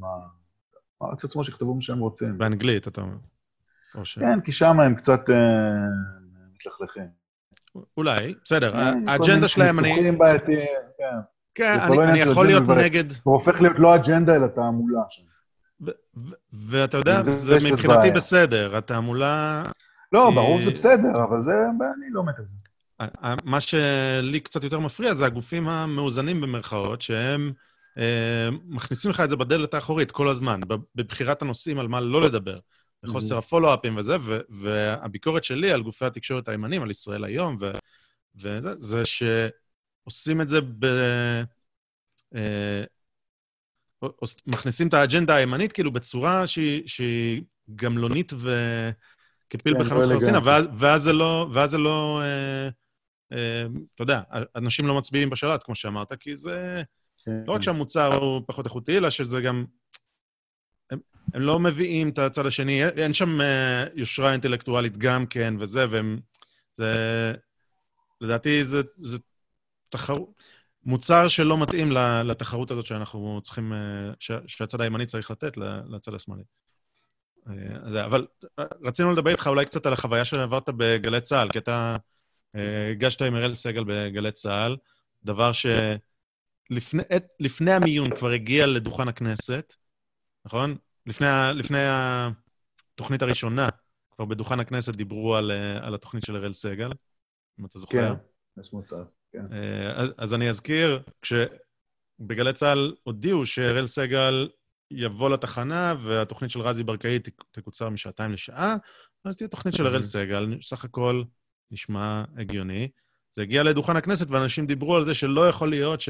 שהוא יהיה, ורינה מצליח אה, אמרה בתוכניתה ש... האם זה הגיוני שייתנו את ה... אה, שגלי צה"ל ישימו עיתונאי ימני בלי לקרוא לו בשמו? אה, אז, אז אתה אומר לעצמך, רגע, את, אתם שמים לב מה אתם אומרים בכלל? אבל לכם היה איזשהו סיפור. מה אכפת להם להגיד, אבל זה כמו שופטים, הם יושבים שם, אף אחד לא יפטר אותם אף פעם. מקבלים את הכסף שלהם מהמדינה. כן. מה... זה כמו שופטים, מה אכפת להם להגיד? מה, איזה משמעויות יש לדברים שלהם? אה, כן, אולי, אבל מה היה לכם שם בגלי לא צה"ל? כן. אה, לא היה, האמת היא שהיה סבבה. תראה, בתקופה של ירון... דקל ו... וברזי, לא הייתה שום, אני לפחות לא יודע, שום איזה בעיות שהיו. עשינו מה שאנחנו רוצים, אמרנו מה שאנחנו רוצים. היה המון המון לחצים כל הזמן. בצבא מאוד לא אהבו את התוכנית הזאת. מהצבא, מכיוון הצבא. מה? יוסי ורטר אפילו כתב על זה פעם איזה מאמר. בצבא מאוד מאוד לא אהבו את התוכנית. שנייה, ספר לנו לא איך זה עובד. ספר לנו איך זה עובד בגלי צה"ל. הרי ירון דקל הוא אזרח, היה. אזרח עובד צה"ל נחשב? זה ה setup? אוקיי, ואז מה, כל שרשרת הפיקוד של גלי צה"ל זה ממש הצבא? לא, יש, יש לו שר ביטחון, ויש לו, לא יודע, רמטכ"ל, לא יודע מי הקצין בדיוק שמדבר איתו, אבל כן, זה, אתה יודע, מתקשרים אליו דובר צה"ל? לא, לא, מה פתאום. אוקיי. לא קשור. היום גם שינו את זה, אני עכשיו ממש, נראה לי בשנתיים האחרונות גם שינו את זה עוד פעם, אני לא יודע איך זה, מה הכפיפויות שם. אבל ברור, יש שם הרבה לחץ של הצבא, תחנה זה יחידה צבאית, מה זאת אומרת? אוקיי, אז, אז קיבלתם לחץ באמת מקצינים? לא, אני יודע שהיה לחץ, כי כתבו על זה, אנשים דיברו על זה, כאילו, זה לא שאני נתקלתי, אני אומר, אני לא נתקלתי מעולם בלחץ הזה ולא הרגשתי שמשהו משהו לא בסדר. Okay. אה, אוקיי. כשהתחלפו שם, התחלף שם, ירון התחלף עם אה, שמעון מקבץ, אז קצת התחיל להיות uh, קצת יותר בעייתי שם. אה, גם עשו לראל קצת קטעים שם, כל מיני, אה, שאני, אתה יודע, אז אם אתם רוצים, תראיינו אותו פעם, הוא יספר לכם, כל מיני עניינים שלו משפטיים, גם מול כל מיני אנשים, ושקשורים כאילו לדיווחים, וגם אה, עשו לו שם כל מיני, אתה יודע, מה שעשו איזה שיר, שיר של בית"ר, שהוא, היה לו איזה דיווח, שלא הסכימו לשיר את השיר, את המנון בית"ר באיזה טקס צבאי, ולא יודע, היה להם איזה קצת בלאגנים. אז גם היה טיפה התערבות כזאת, לא יודע אם טיפה, גם יכול להיות שגם אראל ספג הרבה מזה ולא העביר את זה הלאה. וגם תחושה קצת אה, של חומץ. וגם הם לא כל כך אהבו אה, אותי ואת גלית אה, דיסטל אטבריאן, והיו להם כל מיני השגות לגבי חלק מהמגישים האורחים. אה, וזהו, באיזשהו שלב, אה, אני כתבתי, אני צייצתי בטוויטר איזה משהו על זה ש... לא זוכר אפילו בקשר למה, אני באיזשהו, של... באיזשהו שלב, היה לי, שמעתי שמועה שהרמטכ"ל כועס עליי כי צייצתי בטוויטר שהוא שמן. הגיע אליי שמועה ממישהו מאוד רציני. שגם לא עשיתי את זה אף פעם, אני גם שמן בעצמי, אני לא הייתי עושה את זה, אבל... Uh, אבל אה, לא משנה, אבל זה הרמה, כאילו. ועכשיו, ואז יום אחד הגיע כאילו להראל אה, הראייה המרשיעה של צילום מסך מהטוויטר שלי, שבו צייצתי, אני לא זוכר כבר בקשר למה, שהציבור הישראלי יבין שכבר יודע שצה"ל זה בלוף אחד גדול, ובגלל זה רמטכ"לים הם כבר לא סחורה אה, פוליטית כל כך. זה היה, זה היה לפני כחול לבן, גם קודם כל טעיתי בציוץ, כי obviously, כאילו, יש מלא אנשים שחושבים משום מה שגנרלים זה כן סחורה חמה. אבל כתבתי, אני חושב שזה ציוץ לגיטימי, אני גם לא עובד של גל"צ, אני כולה איזה פרילנס שמשדר שם פעם בשבוע שעה. וזה, בגלל זה הם uh, החליטו להשעות אותי עד לבירור, איזה חודש ומשהו לא שידרתי. אז uh, אלקבץ עשה לי איזו שיחה לא ברורה, ואז חזרתי קצת לשדר, ואז כבר גם אראל החליט שהוא חותך משם. זה הטריגר שגרם להראל גם, או שהיו דברים... זה אחד מיני כמה דברים. היה לו גם את גלית הם העיפו, והיה להם כמה... היה, שם, היה לו כמה עניינים איתם שם, זה אבל עניינים שלא, דברו איתו בהזדמנות, אני אספר לכם עליהם. אוקיי, אז אה, נשמע לא משהו שבעצם אתה אומר, זה, זה לא שקראת לרצח. אני... אה, דעה, דעה שלא יודע, אולי לא נעימה באוזן ל... לצבא, אבל לא big deal, ובכל זאת השתיקו אותך וזה גרם ל... ל... לחיכוכים שם. לא, לא משהו, אז מה, אז מה אתה מציע לעשות ב... כלומר, איך מסדרים את זה, או מה, מה אתה חושב שכן צריך להיות? אה, צריך למכור את התחנה הזאת, מה זאת אומרת? תסביר מה. מותג ששווה הרבה מאוד כסף, יש שם נדל"ן ששווה הרבה מאוד כסף. אה, בסדר, מן הסתם מי שיפעיל את התחנת רדיו הזאת לא יכול להשתמש בעובדי כפייה מסוג אה, איש רדיו, אבל אה, אני בטוח שימצא היזם הזריז שירצה לרכוש את השם הזה, את גל"צ, ולהפעיל את זה באופן פרטי, אין סיבה שהצבא יחזיק התחנה. לא הצבא ולא... או לכל הפחות אפשר לצרף את זה לרשת ב'. אה, אין סיבה שלצבא תהיה תחנת רדיו, זה פשוט לא... זה גם לא תחנה, זו תחנה שאין בה שום עיתונות, שיהיה ברור לכם שאין שם שום עיתונות חופשית, יש שם התערבות מאוד עמוקה בתכנים, אה, זו תחנה שמשרת, אתה יכול להגיד בה מה שאתה רוצה על ראש הממשלה, אבל אם תגיד בה את הדבר הלא נכון על הרמטכ"ל או על שר הביטחון, זו תחנה שהיא, אין בה, זה לא, זה לא תחנת, זה לא... כל הסידור הזה. סיבה. פשוט הזוי. רגע, באמת, שר הביטחון יש לו שליטה, וזה לא רק הרמטכ"ל? אם הוא רוצה, מי שבוחר, מי ש... כן, כי הם כפופים לדעתי ישירות לשר הביטחון. הם לא... אבל יש לו, בטח, יש לו... שר הביטחון, יש שם, היה שם שר ביטחון שהיה מאוד מתערב שם בעניינים ובוחש. ליברמן. בנט, אני לא יודע, אין לי מושג. אה, אוקיי. והיה שר ביטחון ביבי, שגם נתן להם לעבוד חופשי הרבה זמן. כן, תגיד... לא אה, חשב לסגור את זה או משהו. כן, נראה לי הצהרה... גם לא חושב שצריך לסגור, צריך למכור את זה, זה אחלה תחנה. אחלה מותג, זה שווה הרבה כסף. נשמע לי הצהרה מאוד מאוד קיצונית להגיד שצבא לא צריך תחנת רדיו ארצית. כן, ממש כן. מסוכן לדמוקרטיה. כן, זה, להגיד כן. לחשוב, לחשוב על זה בקונטקסט טיפה יותר רחב, זה, זה פתאום אתה אומר לעצמך, מה קורה פה? לצבא יש תח, תחנת רדיו ארצית. אה, כן. וזה עוד דבר, דרך אגב, בד בבד עם זה, צריך כמובן לבטל את המגבלה על שידור רדיו ארצי, שלא רק אה, תחנות הקומיסריון אה, יהיה להם את הפריבילגיה הזאת, אלא גם, אה, גם תחנות רדיו. זה פסיכי. הרדיו הארצי בישראל זה רק רדיו ציבורי, או גלי צה"ל, או... רק רדיו ממשלתי, כן. כן, שזה באמת מטורף, זה משוגע, משוגע. זה פשוט משוגע. והתחנות הפרטיות, גם אם... זה סבבה, זה סבבה. כן, כן, אסור להם. הן יכולות לעשות סינדיקציה עם עוד תחנות, כאילו יש להם לפעמים, זה קבוצה, אז יש לה כמה תחנות, אתה יודע, יש להם את תל אביב, יש לה גם את, אה, לא יודע, רדיו צפון, אז יש להם כמה, יש לה כמה תחנות. מזל שיש אה, אינטרנט ופודקאסטים היום. כן. כן, מה שמדהים זה שהמגבלה הזאת היא, היא באה תחת הדגל של אה, תקשורת חופשית חשובה לדמוקרטיה, כן? זה, זה הדגל שמניפים, ואז מגבילים שאף אחד לא יכול לעשות את זה. תשמע, אורוול אה, חוגג פה במדינת ישראל. כן. אה, אוקיי, תגיד... כמעט כל דבר פשיסטי, פשיסטי ואנטי-דמוקרטי במדינה הזאת נמכר לציבור באצטרה של הגנה על הדמוקרטיה. אוקיי. יש לך עוד דוגמה אחרי הצהרה כזאת? מערכת המשפט, הגנה על מערכת המשפט, זה שאסור לגעת במערכת המשפט. לא יודע מאיפה להתחיל. אה, אה, לא יודע. כן, יש עוד גם, נחשוב. איפה לא, כאילו. כן. כן. אה, צבא העם אולי. תגיד, הזכרת. הזכרת את גנרלים זה בלוף, ודיברת על זה שאתה שמח שבוגי לא, לא הצטרף, אז אתה, אתה יכול להסביר למה אתה, למה אתה מבודד את בוגי ככה? מה, מה הסיפור שלך? לא, אני פשוט חושב שאפילו בקרב השדרה הגדולה של הגנרלים הישראלים שיש כיום, שבאמת זה בדרך כלל אנשים ברמה מאוד מאוד מאוד נמוכה, כמעט מכל בחינה, אה, אז אני חושב שבוגי יעלון אה, אה, בולט שם בכמה שהוא גרוע, כאילו, אפילו בתוך ה- ערימת אה, תפוחים הרקובים הזאת, הוא התפוח הרקוב מכולם.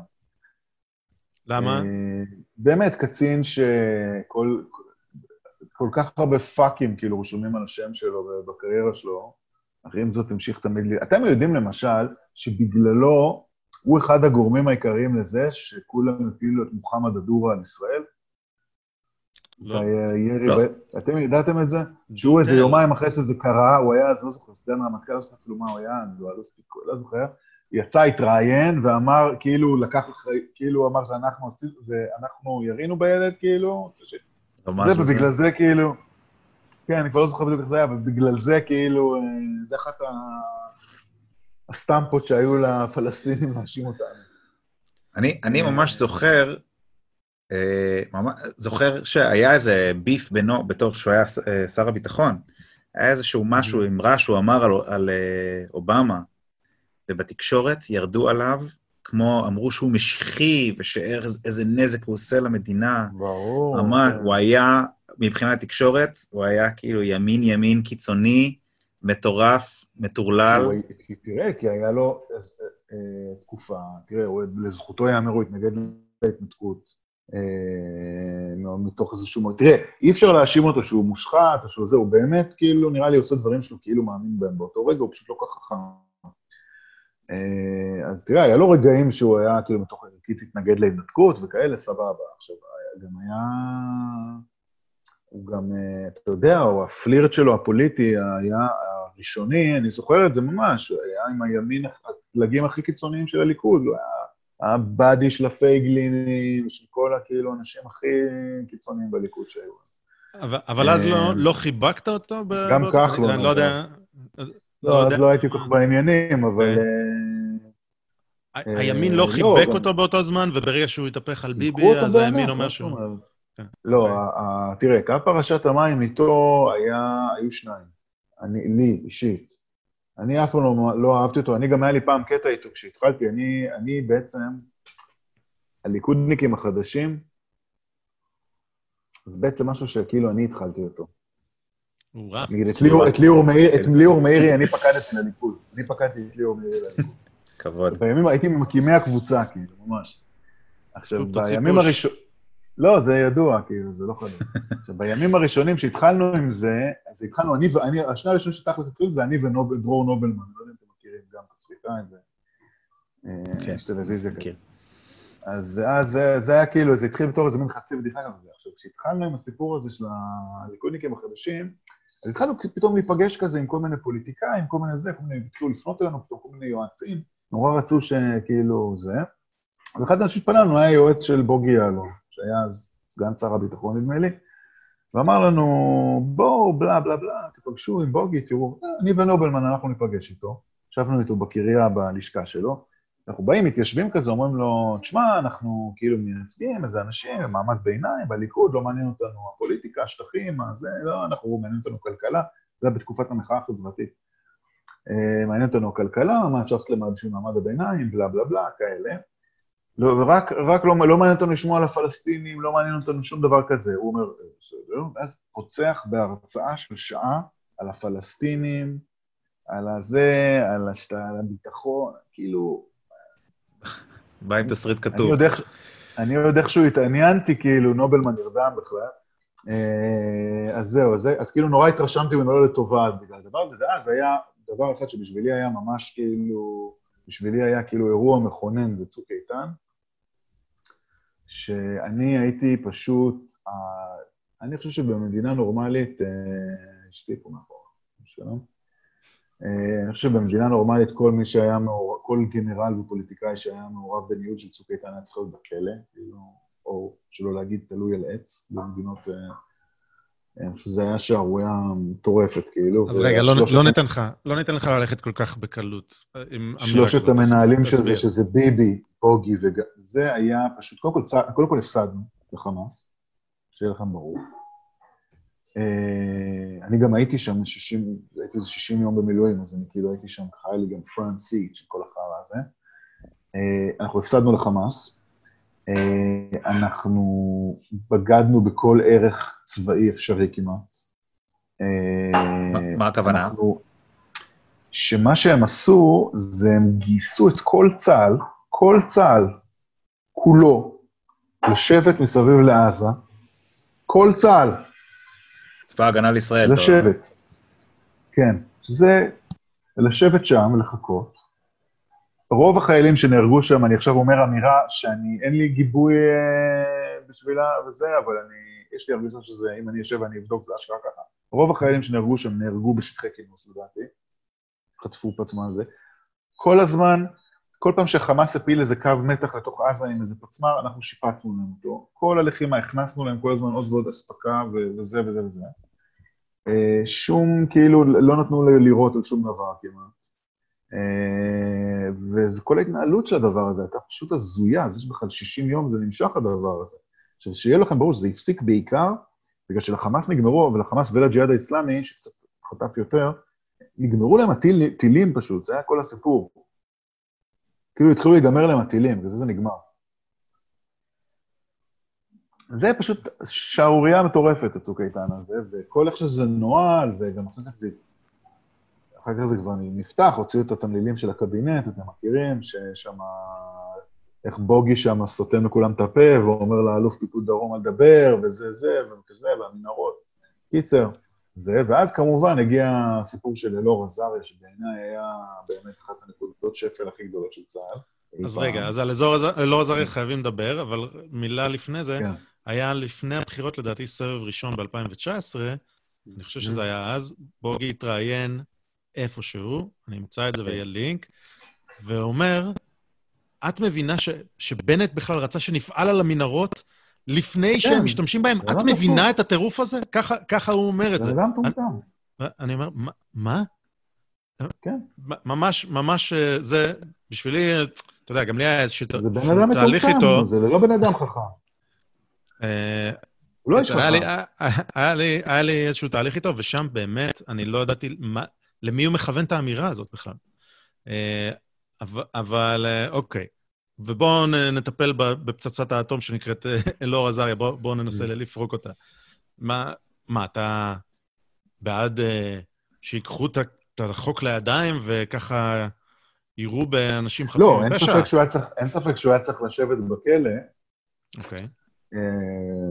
אם אני הייתי הקצין שלו, גם באותה סיטואציה, גם הייתי דופק לו איזה קאט לפנים, נראה לי.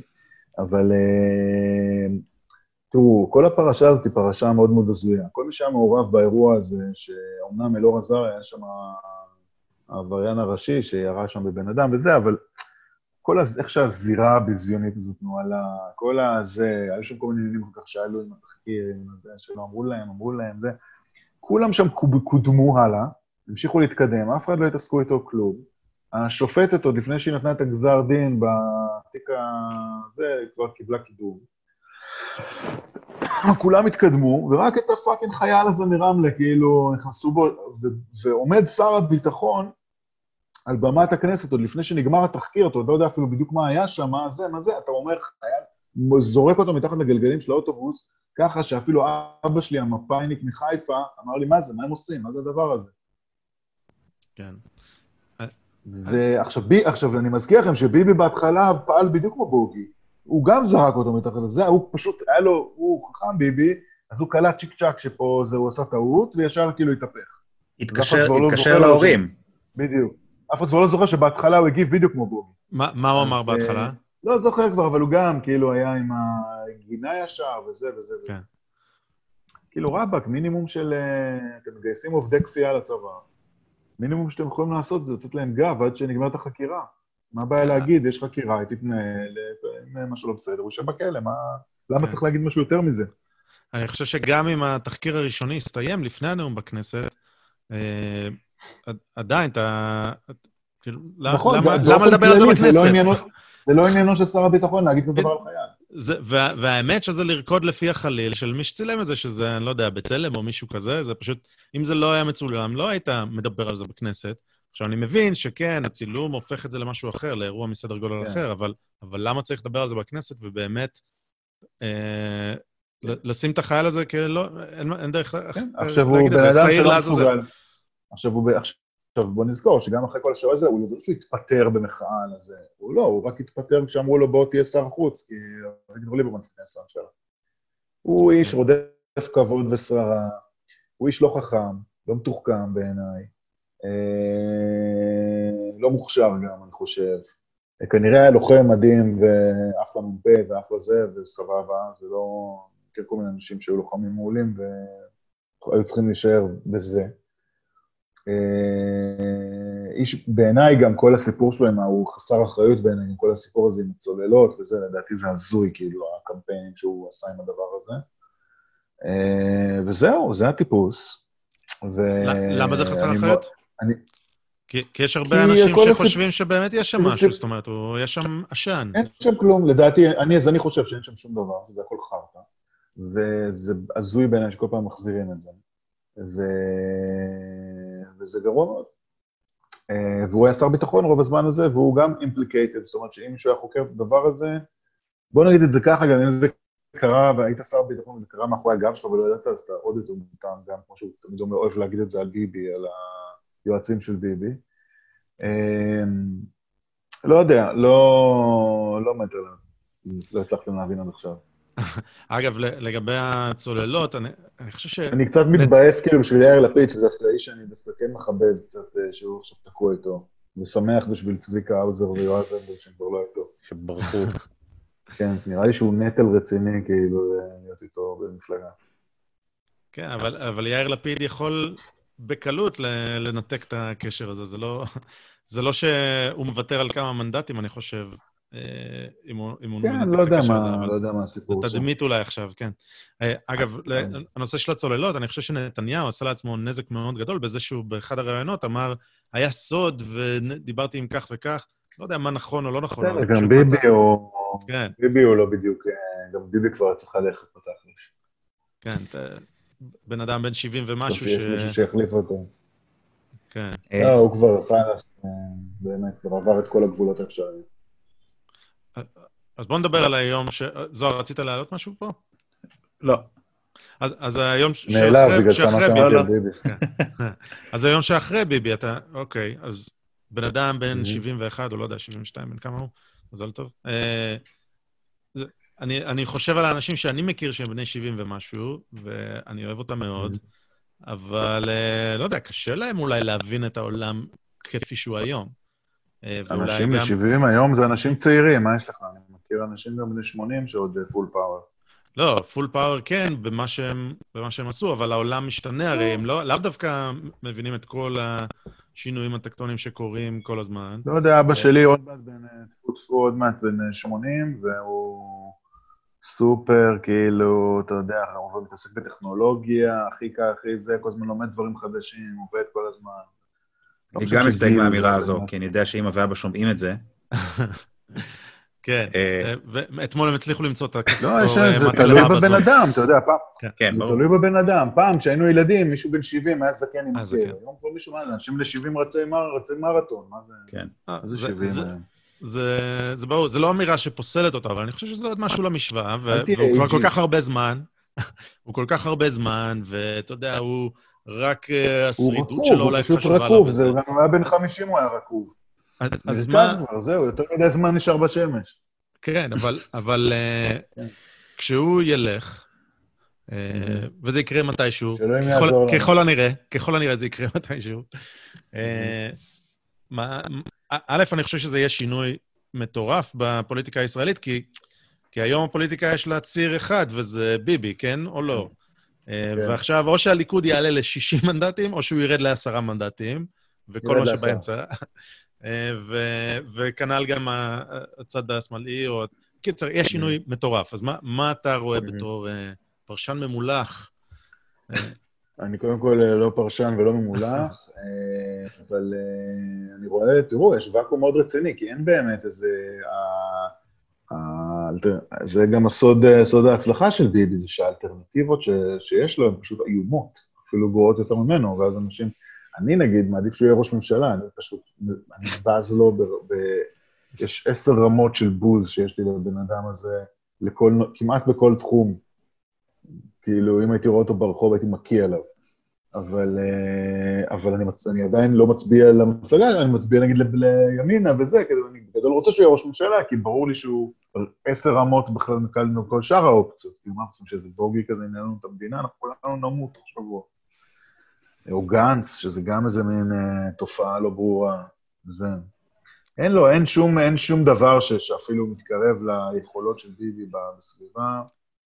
אה, הדור שאחריו בליכוד הוא דור מאוד מאוד לא מוצלח. אה, רגע, של- אל- אילו יכולות אתה מדבר עליהם? אנחנו, הבוז שחשים אליו, אבל איזה יכולות? אוקיי, יש לו יכולת פוליטית מאוד, שכולם מאוד, יגידו את זה. מאוד, מאוד. לא, רגע, רגע. קודם כל, מדובר באיש מאוד מאוד חכם, מאוד מאוד משכיל, מאוד מאוד מתוחכם, מאוד מאוד ערמומי, נוכל גדול, בקטע טוב. אה, וואלה. בן אדם גם כנראה מאוד חזק, אה, אבל יש לו המון פגמים גם. אה, יכול להיות שאנחנו קצת אה, יותר מדי זמן איתו, ואנחנו כאילו פשוט מפחדים מה... מלעשות את המהלך, מה שנקרא? פשוט מפחדים כאילו... אחי, מה- תראה את גנץ. אתה רוצה שגנץ יהיה ראש ממשלה, באמת? בני אני גנץ? אישית... אה, לא כל כך. לא, אה, כאילו, באמת, לא. אבל- כן, אני אומר את זה, אני אבל גם הרבה אחרי- פעמים יש לי את השיחות האלה עם שמאלנים, אני אומר, תסתכל רגע על בני גנץ. אתה באמת, אתה חושב שהבן אדם הזה יכול להיות ראש ממשלה של ישראל? אז, הוא אז אם אני. אפנה שנייה למצביע כן. הימני הזה, אני אגיד, הנה, יש אנשים אחרים טובים בהם, יש את, נגיד, בנט ושקד, ויש את, אה, את אוחנה, ויש את, אה, אני לא יודע, יש כל, יש כל מיני כן, פרוספקטים הם- טובים. יש אז נכון, יש פרוספקטים לא רעים. תראה, בנט, אני חושב, בנט לא יהיה ראש ממשלה אף פעם בישראל, אה, כי הוא לא נראה כמו ראש ממשלה, ויש לו כיפה, ופה גם 50 שנה לא כן. יהיה ראש ממשלה עם כיפה. שמע, שמעתי לא מזמן על זה ש... אה, לא משנה כמה היא לא. קטנה ושולית. שמעתי לא מזמן על זה שאני צריך לבדוק את זה אם זה נכון, אבל שלא היה נשיא קרח כבר, נשיא בארצות הברית אני מדבר, קרח כבר אני לא יודע כמה זמן, והאחרון שהיה, המתמודד מולו גם היה. קרח. יכול להיות. לא יודע, מה, לא- טראמפ או קרח? יש לו את ה... סתם. בקיצור, אני לא חושב שבנט יראה, יש לו אולי את היכולות, הוא איש מאוד מוכשר, אבל אני לא חושב שהוא באמת פוטנציאל להיות ראש ממשלה.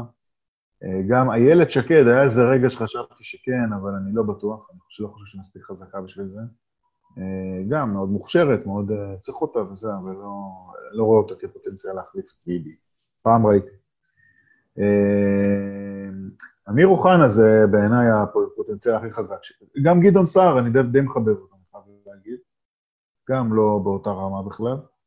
אה, אמיר אוחנה זה הבן אדם היחיד שאני רואה שיכול אולי לגדול מספיק, אה, יש לו מספיק, כאילו, שיכול יום אחד כאילו להיות ראש ממשלה, נראה לי שאתה, מאוד. שאתה לא היחיד שחושב ככה, כי בקמפיין האחרון היה תמונות של, בקמפיין השלילי היה תמונות של נתניהו ושל אוחנה. אז הוא הוא שמע, סומן אוחנה הוא, תראה, כי אוחנה הוא כל החבילה. אוחנה הוא גם, אה, גם איש. מאוד מאוד אידיאולוגי, גם קרח. גם איש מאוד אידיאולוגי, הוא גם נראה טוב, כאילו יש לו לוק טוב. גבוה, הוא לא מתלבש יפה, הוא נראה טוב. הוא אה, איש מאוד חכם, ויודע לדבר, וגם ערמומי, וגם יש לו ביצים. אה, פה יש פוטנציאל, זה טוב, אוחנה זה טוב, אני אוהב את אוחנה מאוד. אה, ואוחנה במיוחד, מה שחזק אצלו זה שהעם מאוד, אנשים, כאילו, העמך ישראל כזה, אתה רואה, אני רואה את זה, כי הייתי בכל מיני אירועים שלו, גם בליכוד וזה, גם לאחרונה, אנשים חולים לו על התחת. חולים לו על התחת. זה רק תוצאה של השנה האחרונה משנה. מאז שהוא נכנס למשרד, או שהיה לפני גם? א', א', אני מכיר אותו הרבה מאוד שנים, ואני, זה תמיד זה, הוא כאילו מאוד, הוא פוליטיקאי מאוד מאוד טוב, כאילו, הוא איש כזה של אנשים, אבל, אבל במיוחד בשנה האחרונה הוא תפס כמובן אה, המון אה, כל התקשורת והמון זה, וכמובן גם המון אנשים שונאים אותו, אבל הציבור של הליכוד, האנשים האלה, ש- האנשים מהסוג המסוים הזה ש, שאנחנו מדמיינים, חולים לו על התחת, ובצדק. אז בדרך כלל אנשים שבניגוד למה שחושבים עליהם, זה אנשים מאוד, שיודעים לזהות, כאילו, אי אפשר לעבוד עליהם. והם מזהים איתו שהוא the real deal, וזה נכון, הוא באמת the real deal, לפחות באיזושהי רמה. כן, אה, יהיה יושב ראש ועדת קישוט בממשלה הבאה. לא יודע עוד מה הוא יהיה, איך תדע. אה, טוב, אני אנסה... אבל אה, הבעיה בכל שהדור הדור שבין ביבי לבין אוחנה בליכוד, הוא כן. דור מאוד בעייתי. והוא מאוד כן, חזק כן, כרגע, נראה לי. כל האלה, זה כל מיני עסקנים כאלה שאין להם ביצים באמת. אבל זה לא- כאילו חיוביים, סך הכל אנשים חיוביים, אבל לא מנהיגים. הליכוד אבל זה גם לא כאלה חיוביים. מפלגה עם פריימריז, זה לא עובד- זה לא עובד לפי דורות באמת. לא חייב לעבוד זה ככה. היתרון, זה היתרון שלהם, כן. כן, אבל זה גם אנשים, אה. תראה, אבל זה אנשים, אבל זה כן קצת עובד לפי דורות, כי הזמן שלך במפלגה, אז זה פונקציה גם כבר כשכמה אנשים פקדת, ואיזה כן. אנשים יש לך, והדילים שעשית. כאילו, לצורך העניין, אם שרדת כבר 20 שנה בליכוד, אז יש לך מאחוריך איזה גב. של הרבה מאוד מתפקדים. שלמישהו ח- חדש עוד אין אותם. ואלא אם כן הוא עושה איתך איזה דיל, ולא תמיד יש לך אינטרס. כי נגיד עכשיו לישראל כץ כזה, או למישהו כזה מהצמרת של הליכוד, אין עכשיו אינטרס לעשות עם אוחנה דיל בפריימריז. כי אוחנה פתאום הוא איום, אתה מבין? כן. אבל... אה, כן. טוב, זה- זה לא מעניין. ביום שאחרי... אבל הוא גם לא פראייר, הוא. גם לא פראייר, נראה, אולי הוא יצליח לתמרן את עצמו ל- לצמרת. לדעתי היום אם אתה עושה פריימריז כאילו פתאום וזהו, הוא מקום ראשון. כן, השנה האחרונה העלתה אותו מטאור. כן. טוב מאוד, הוא- שימשיך כך. לדעתי הוא נכנס בקושי לרשימה הארצית בפריימריז האחרונים, והיום הוא באמת. יהיה היום, בחמישייה אם הוא הראשונה, עכשיו זוכר. בחמישייה בוודאות, בוודאות בחמישייה. כן. אה, ואני לא נכנס בכלל לגיי, מרוקאי, לכל הפוליטיקת זהויות. כן. לדעתי שזה... פוליטיקת זה זהויות. כן. אמ, אני אנסה בכל זאת ככה למצוא איזה משהו חיובי בכל הסיפור הזה שנקרא קואליציה המתגבשת. לא יודע אם אני אצליח, אבל uh, עכשיו אנחנו, מזכיר, אני מזכיר לכם שאנחנו בסוג של איזה משבר בריאותי כזה גדול. Um, יש, uh, איתו מצטרף משבר כלכלי, uh, ואין תקציב עדיין. אז uh, אתה לא חושב שחייבים להניע, חייבים לתת את, ה, את היכולת לרשות המבצעת לעשות את העבודה שלה, וזה רק על ידי... אה, ויותר מזה. לחסוך לחסוך את אני מאוד הבזבוז של. בחירות. לחתוך- לחסוך הבחירות את הבזבוז כסף של. הבחירות. בוא, בוא, קודם כל נהיה, נבין רגע משהו נורא ברור. בחירות הן לא בזבוז כסף, הן יתרון כלכלי. תס- כי ברגע תסביר.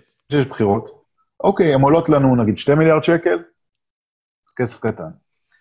ברגע שיש לך שנת בחירות, אין לך תקציב, אתה עובד לפי תקציב של 1 חלקי 12, זאת אומרת שאתה עובד לפי התקציב של שנה שעברה, מחלק אותו פר חודש, ואת זה אתה מוציא. כלומר, כל עליות, העליות האוטומטיות בתקציב, של כל מיני שכר ותוכניות, כל מיני תוכניות, קומבינות מיוחדות וכל מיני... גם ירידות אה, לא- דרמטיות פתאום אה, נכללות בזה. אין ירידות דרמטיות בתקציב אף פעם בשם. כן, זה לא קורה. אז אה, זה פשוט לא קורה.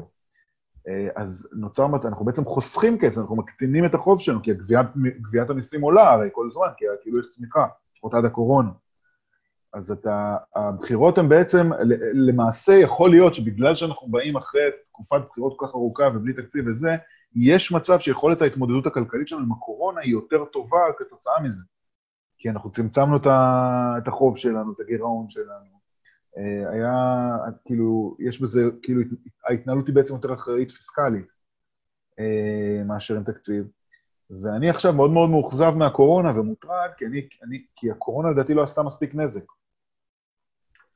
זאת אומרת, אנחנו יוצאים מזה מהר מספיק, כדי שמה שהממשלה לא תגיד, אני, רצ, אני קיוויתי, אה, שאני מקווה שכמה שפחות אנשים יתפקעו והכול, אני לא, אנשים חולים וזה, וחס וחלילה, אני גם יכול להיות חולה, וזה מדאיג מאוד הכל וזה, אבל אני קיוויתי שנגיע כלכלית למצב כזה שנקום, נצא מהדבר הזה, והממשלה תגיד, חבר'ה, אין לנו יותר כסף לכלום, אנחנו חייבים חייבים לקצץ. לקצץ חצי מתקציב המדינה, להפריט הכל, לעשות את שיטת הוואוצ'רים, כי אין לנו פשוט שום ברירה אחרת, וזה. שקרה ולהביא את מילטון לא הגענו- פרידמן להיות אה, נגיד. בנק ישראל. מה שקרה, ש... ולקצץ את הפנסיות התקציביות, והצבא, וזה. שקיפות מה שקרה שאנחנו בהסתדרות. לא. הגענו לנקוד- אנחנו לא הגענו לנקודה הזאת, אנחנו כאילו יצאנו מזה יחסית מהר ובזול. אה, נראה לי שהכלכלה תחזור לעצמה, כי אין בעצם סיבה שלא. ומה שקורה, שנשארנו עם זה שמחלקים אה, מיליארדים להראל ויזל ולהסתדרות ולכל מיני אה, קבוצות לחץ, וכרגיל ממשיכים לזיין את, ה... את משלם המיסים. הרע מכל העולמות. אז אני מאוד מאוכזב מהקורונה. אה, אוקיי, עובדים על זה. יש עוד, עוד סיבה להיות מאוכזב. לצאת לרחוב להתחיל להשתעל על אנשים. עוד סיבה להיות מאוכזב במרכאות מה, מהקורונה זה גם על הלך הרוח של אנשים, כי, mm-hmm. כי אנחנו באזור שאומר, מה, מה זה היה המהלכים האלה? תראו, זה, זה כלום, מה, נהרגו 200 אנשים? השתגעתם. תראו את זה, עובדים עלינו, הדיקטטור הגדול עשה כך וכך, אה, ובעצם באופן מוזר מוריד את האמון, שוב, במערכת הציבורית, אה, ובמקום שאנשים יכירו תודה על המהלכים שלהם. כן, אתה חושב? אדוני, אני חושב שהקולות האלה שוליים. אה, אוקיי. כן, אתה רואה את זה בסקרים. אה, ופה צריך לא, להגיד, פה לגמרי לביבי צריך להגיד, החלק, כל החלק הראשון של, וגם למשרד הבריאות, כל החלק הראשון של הכניסה למשבר הזה, ואיך שהם עשו את זה, היה אפשר אולי להתחיל את הסגר הזה שבוע קודם, קצת על פורים, אז לחסוך קצת מהזה, אבל לא משנה. הוא זיהה את זה מהר, הוא נכנס לזה חזק כמו שצריך, וכרגע, טפו טפו, אפשר להגיד שאנחנו אחת המדינות שטיפלו בזה יותר טוב.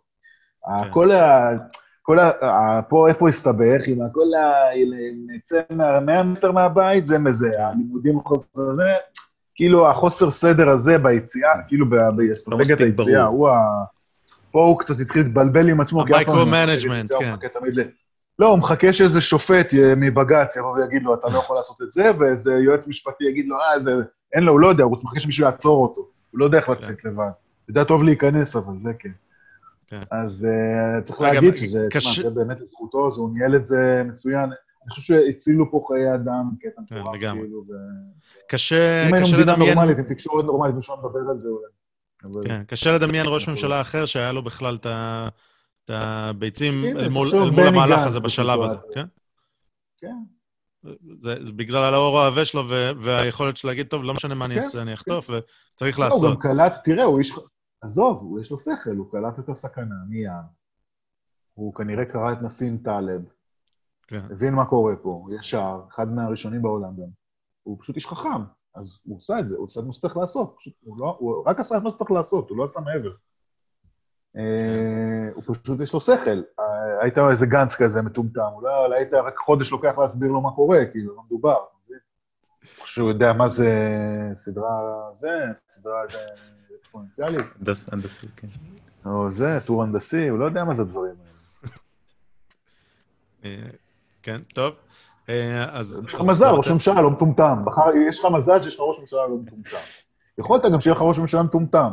אתה צריך להחליט. מה אתה מעדיף? כן. נוכל, מושחת, מגעיל, אשתו משוגעת, הבן שלו משוגע, כולם משוגעים, אה, הוא סגול, הוא שמוק, הוא נכנע לזה, נכנע לזה, אבל הוא חכם, הוא יש לו שכל, מה לעשות? הוא עדיין סגול בימינו? לא יודע מה כן, הוא. בטח. בסדר, זה, זה, אנחנו במצב טוב, אנחנו רואים גם בארצות הברית אה, שוב פעם את שתי, שני המועמדים שהם הביאו מכל, אה, מכל האוכלוסייה הגדולה שלהם. אה, זה מדהים, זה פשוט מדהים. זה מה שהם הצליחו להביא, אז, אז המצב שלנו זה טוב. זה דבר מדהים. הוא הרבה יותר גרוע מטראמפ. ראית, הוא נרדם, ראית אותו עכשיו, הוא היה בריאיון עם הילרי קלינטון, משהו, זה בפוקס, כן. ביידן, לא, הוא היה עם הילרי קלינטון באיזה שידור בפוקס, פשוט נרדם בשידור. אפשר לחשוב שהוא מסתכל שם על ה notes כאילו- ככה למטה, אי אפשר לדעת. לא, לא, לא, לא, לא, הוא ישן שם, הוא מנקר שם לגמרי. הוא ישן. הוא כאילו הגנץ שלהם, זה מדהים. אגב, גם היה את התקופה של הבחירות פה, ושהוא שם בפריימריז, הוא וגנץ יש להם את הכישלונות לשון האלה, זה היה ממש. פשוט עולם מקביל בין ישראל לארה"ב. זה שלהם. כן. כן, אתה אמרת. אה, סתם, אני לא, לא מכיר את הסיפורים חוץ מהציוצים שצצו אחרי שהוא... אה, לא, אני אה, סתם... עשה את המעבר, כן, כן. סתם, סתם מתבדח. לא יודע מה... זה, אני גם לא, לא אוהב את המילה הזאת, סוטים, כי אתה יודע, מי אנחנו שנשפוט. כן. Uh, יפה. Um, יש עוד, עוד משהו על הקורונה. מישהו רוצה לאנוס ילדים בפיצריה, מי אני שיעצור אותו? uh, אחד הדברים הכי טובים שיצאו מהקורונה, שבסדר, מגפה, אנחנו נגד באופן כללי, אבל זה המים של יורם לס. שאני לא יודע אם מישהו. ראה... לס, לס, לא יודע. לא יודע אם אה, מישהו- אם יצא לכם לראות, אבל יש כמה ממש. חזקים, אני אשים כמה. היה אחד שבאמת הצחיק אותי. המים הוא שיש תמונה שלו שעושה, אה, אבל זה רק שפעת, ואז אה. זה, או- או יש איזה גל ש... שקובר את. ניו יורק, ואז, כן, צונאמי, אז זה מים, מה אתם רוצים? זה רק מים. זה היה אחד של אה, פצצת אטום, שאומר, זה כרובית, מה? אז היה, היה כמה מאוד חזקים, אז כן, זה חזק מאוד. נשים כמה. אז תודה לך, יורם. אה, מעולה. יש עוד אה, דברים אולי שהיו לנו על הפרק, זוהר, שרצית להעלות? נראה לי שכיסינו את, אתה יודע, בכללי, כל מה שיש לדבר עליו. כל מה שיש לדבר עליו. כן. אז, אז אנחנו תמיד מסיימים בהמלצות תרבות. כהרגלנו בקודש, מהמם. שכחנו להגיד לך את זה. מהמם. אז, אני- אז ניתן לך עוד קצת זמן לחשוב, בזמן שאני אמליץ. אז אני ראיתי סרט בנטפליקס שנקרא אה, Extraction, סרט חדש, שהוא סרט שאני לא... אם בא לך לכבות את המוח לשעתיים ולהסתכל על משהו עם אה, אקשן, ב- בעיקר סרט, אה, סצנת אקשן באמצע מעולה, אז לך על זה. אבל הוא הזכיר לי, הסרט הזה, ספר, כי זה קורה בהודו ובבנגלדש, הזכיר לי ספר שנקרא הטיגריס הלבן, שקראתי אותו לפני שנים, והוא אה, ספר שמכה בך את ה... אה, המציאות של עלובי החיים והעניים במדינות האלה, במזרח ובהודו, והספר, לקח לו קצת זמן להתניע בשבילי, אבל היה מצוין. הטיגרס הלבן, הסופר הוא ארווינד אדיגה. אה, אחלה ספר, אה, זה- זאת ההמלצה שלי. אה, אני לא זוכר מה אני ממליץ כבר, מה אני לא, אני כאילו, נראה לי אני חוזר על עצמי פה שוב ושוב ושוב, אבל אני בכל זאת... עולמך, עולמך צר. כן, בתקופה הזו במיוחד, אבל אה, אה, יכול להיות שהמלצתי על זה לפני, לפני כמה פרקים או לא, אבל אני אגיד את זה שוב, יאללה. אני, בגלל שאנחנו תקועים בבית, התחלתי לראות עם אשתי עכשיו מהעונה הראשונה את סיינפלד. לא? משהו שלא, משהו שלא עשיתי אף פעם באופן אה, רציף וכרונולוגי. תמיד ראיתי פרק מהמם. פה, פרק שם. אה, זה פשוט כיף, זה מצחיק מהר מאוד, זה מעולה מהר מאוד, זה כיף גדול. אז, אה, אני חושב שסיינפלד, ואותו דבר גם בתרגיע, אחרי כמה עונות, כל הדמויות כבר הגיעו לאיזשהו קיצון, שמי שפספס את מאוד, הרכבת כן. בהתחלה, אז, אז קשה לו והוא לא מבין מה אתם רוצים. מה, מה, קרימר הוא כזה משוגע, למה, למה זה מצחיק? אבל אתה צריך, היית צריך להיכנס מוקדם מספיק כדי ליהנות מכל רגע, כן. גאונות. אז הם פשוט ילדים, אתם לא... אתם לא חוויתם את זה בזמן אמת, אז אתם לא לא, מבינים... חווינו את זה בזמן אמת, הוא, רק אה, לא חוזר הייתם לזה. ילדים, מה, בני כמה אתם? אני הייתי בין, אה, שנתיים כשזה יצא, אבל אה, בסדר, נו. נו. אני בן 37, רק נראה בן 25. לא הייתי נותן לך יום יותר מ-38. אה, יפה. לא יודע מה זה יש אומר. יש לך איזו אה, המלצה? וואה. אה, האמת היא שאין לי כזה המלצה, אני בעיקר אה, רואה בבין שוב ושוב כל מיני דברים מטומטמים בנטפליקס. אני יכול להמליץ על Better Call Saul, סדרה מושלמת, ראיתי בפרק של החדש. האמת שאהבתי את Breaking Bad ולא נכנסתי פעם שוברים. שורות לדעתי. כן? האמת היא שזהו, אני לא כל כך אהבתי את שוברים שורות, דווקא את Better Call Saul אני נורא מומלץ. מעניין. ש- שובר שורות, אני נכנס... ראיתי את זה בכוח, כי שתי עונות היה לי, זה היה איטי מדי, ואז העונה שלישית, רביעית, כבר הייתי עמ- עמוק בפנים ונהניתי. אה, ואתה אומר, בטר קול סול אה, שווה את המאמץ. כן, אוקיי. לגמרי. אז, אז, אז אה, ננסה. למרות שהדעות מאוד חלוקות. אז- אה, לא לכולם. אוקיי. כן, יש אנשים ש... יש אנשים שטוענים שהיא לא טובה. ואני חושב שהאנשים האלה מפגרים. אה, אוקיי. נבדוק יפה. את זה, ניתן לזה צ'אנס. אה, מילה אחרונה, איפה מוצאים אותך אם רוצים לעקוב אחריך? אה, בטוויטר. תחפשו רועי עידן. יש לי איזה פייק עכשיו, אז מקסימום תעקבו אחריו, הוא גם מצחיק. כן. אה, פייסבוק אני פחות. כשאתה מגיע לרמה שיש לך פייק. זה- זה זה achievement, זה. הישג. כן, אה, כבר היו לי כמה, אבל עכשיו יש לי אחד טוב. ברכות. יש לי עכשיו פייק רועי עידן הביביסט. מעולה. החלפתי תמונה כדי שאנשים כל הזמן מתבלבלים. אה, אוקיי. טוב, אז- תמונה. אז נעקוב אחרי רועי דן ורועי דן הביביסט. אה, ואצל אראל סגל, תגיד, אפשר לבקש שתשדרו מרחוק, או שפשוט זה קיצוצים? מה... אה, זה קיצוצים בעיקר, אני חושב. אמ, אוקיי, כי אוקיי. כל ההכנסות מפרסום אה, צנחו. הבנתי. אז כל הגופים שמבוססי פרסום אה, ספגו מכה מאוד קשה בקורונה. כן, הגיוני. טוב, אז כשנחזור גלי לשגרה... צה"ל פחות. כן. כשנחזור לשגרה, אז תהיה גם ברדיו 103, 145 עם עם אראל סגל. ובטוויטר, ו... אה, אני מקווה, כן. דווקא נשאבתי קצת ל... נשאבתי קצת להייטק, אז אולי אני אשאר שם כבר. וואלה. טוב, על הכיפאק.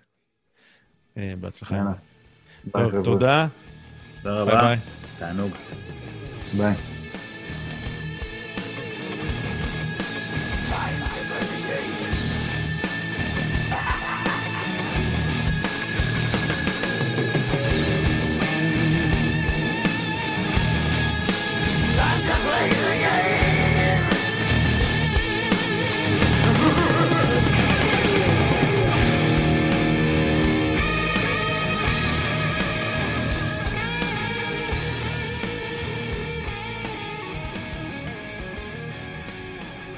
אם אתם רוצים את הפודקאסט הזה בעל ערך, אז תכתבו לנו תגובות באתר, באימייל, תעקבו אחרינו ביוטיוב, בטוויטר, צייצו אותנו, תשתפו אותנו לחבריכם, כשעוד אנשים ישמעו ויוכלו להאזין, כי אם מצאתם את זה שוב בעל ערך, אז אולי זה שווה. כל אינטראקציה שלכם עם התוכן הזה רק תעזור לנו. אז uh, מודים לכם מראש, ותודה רבה שהאזנתם. להתראות.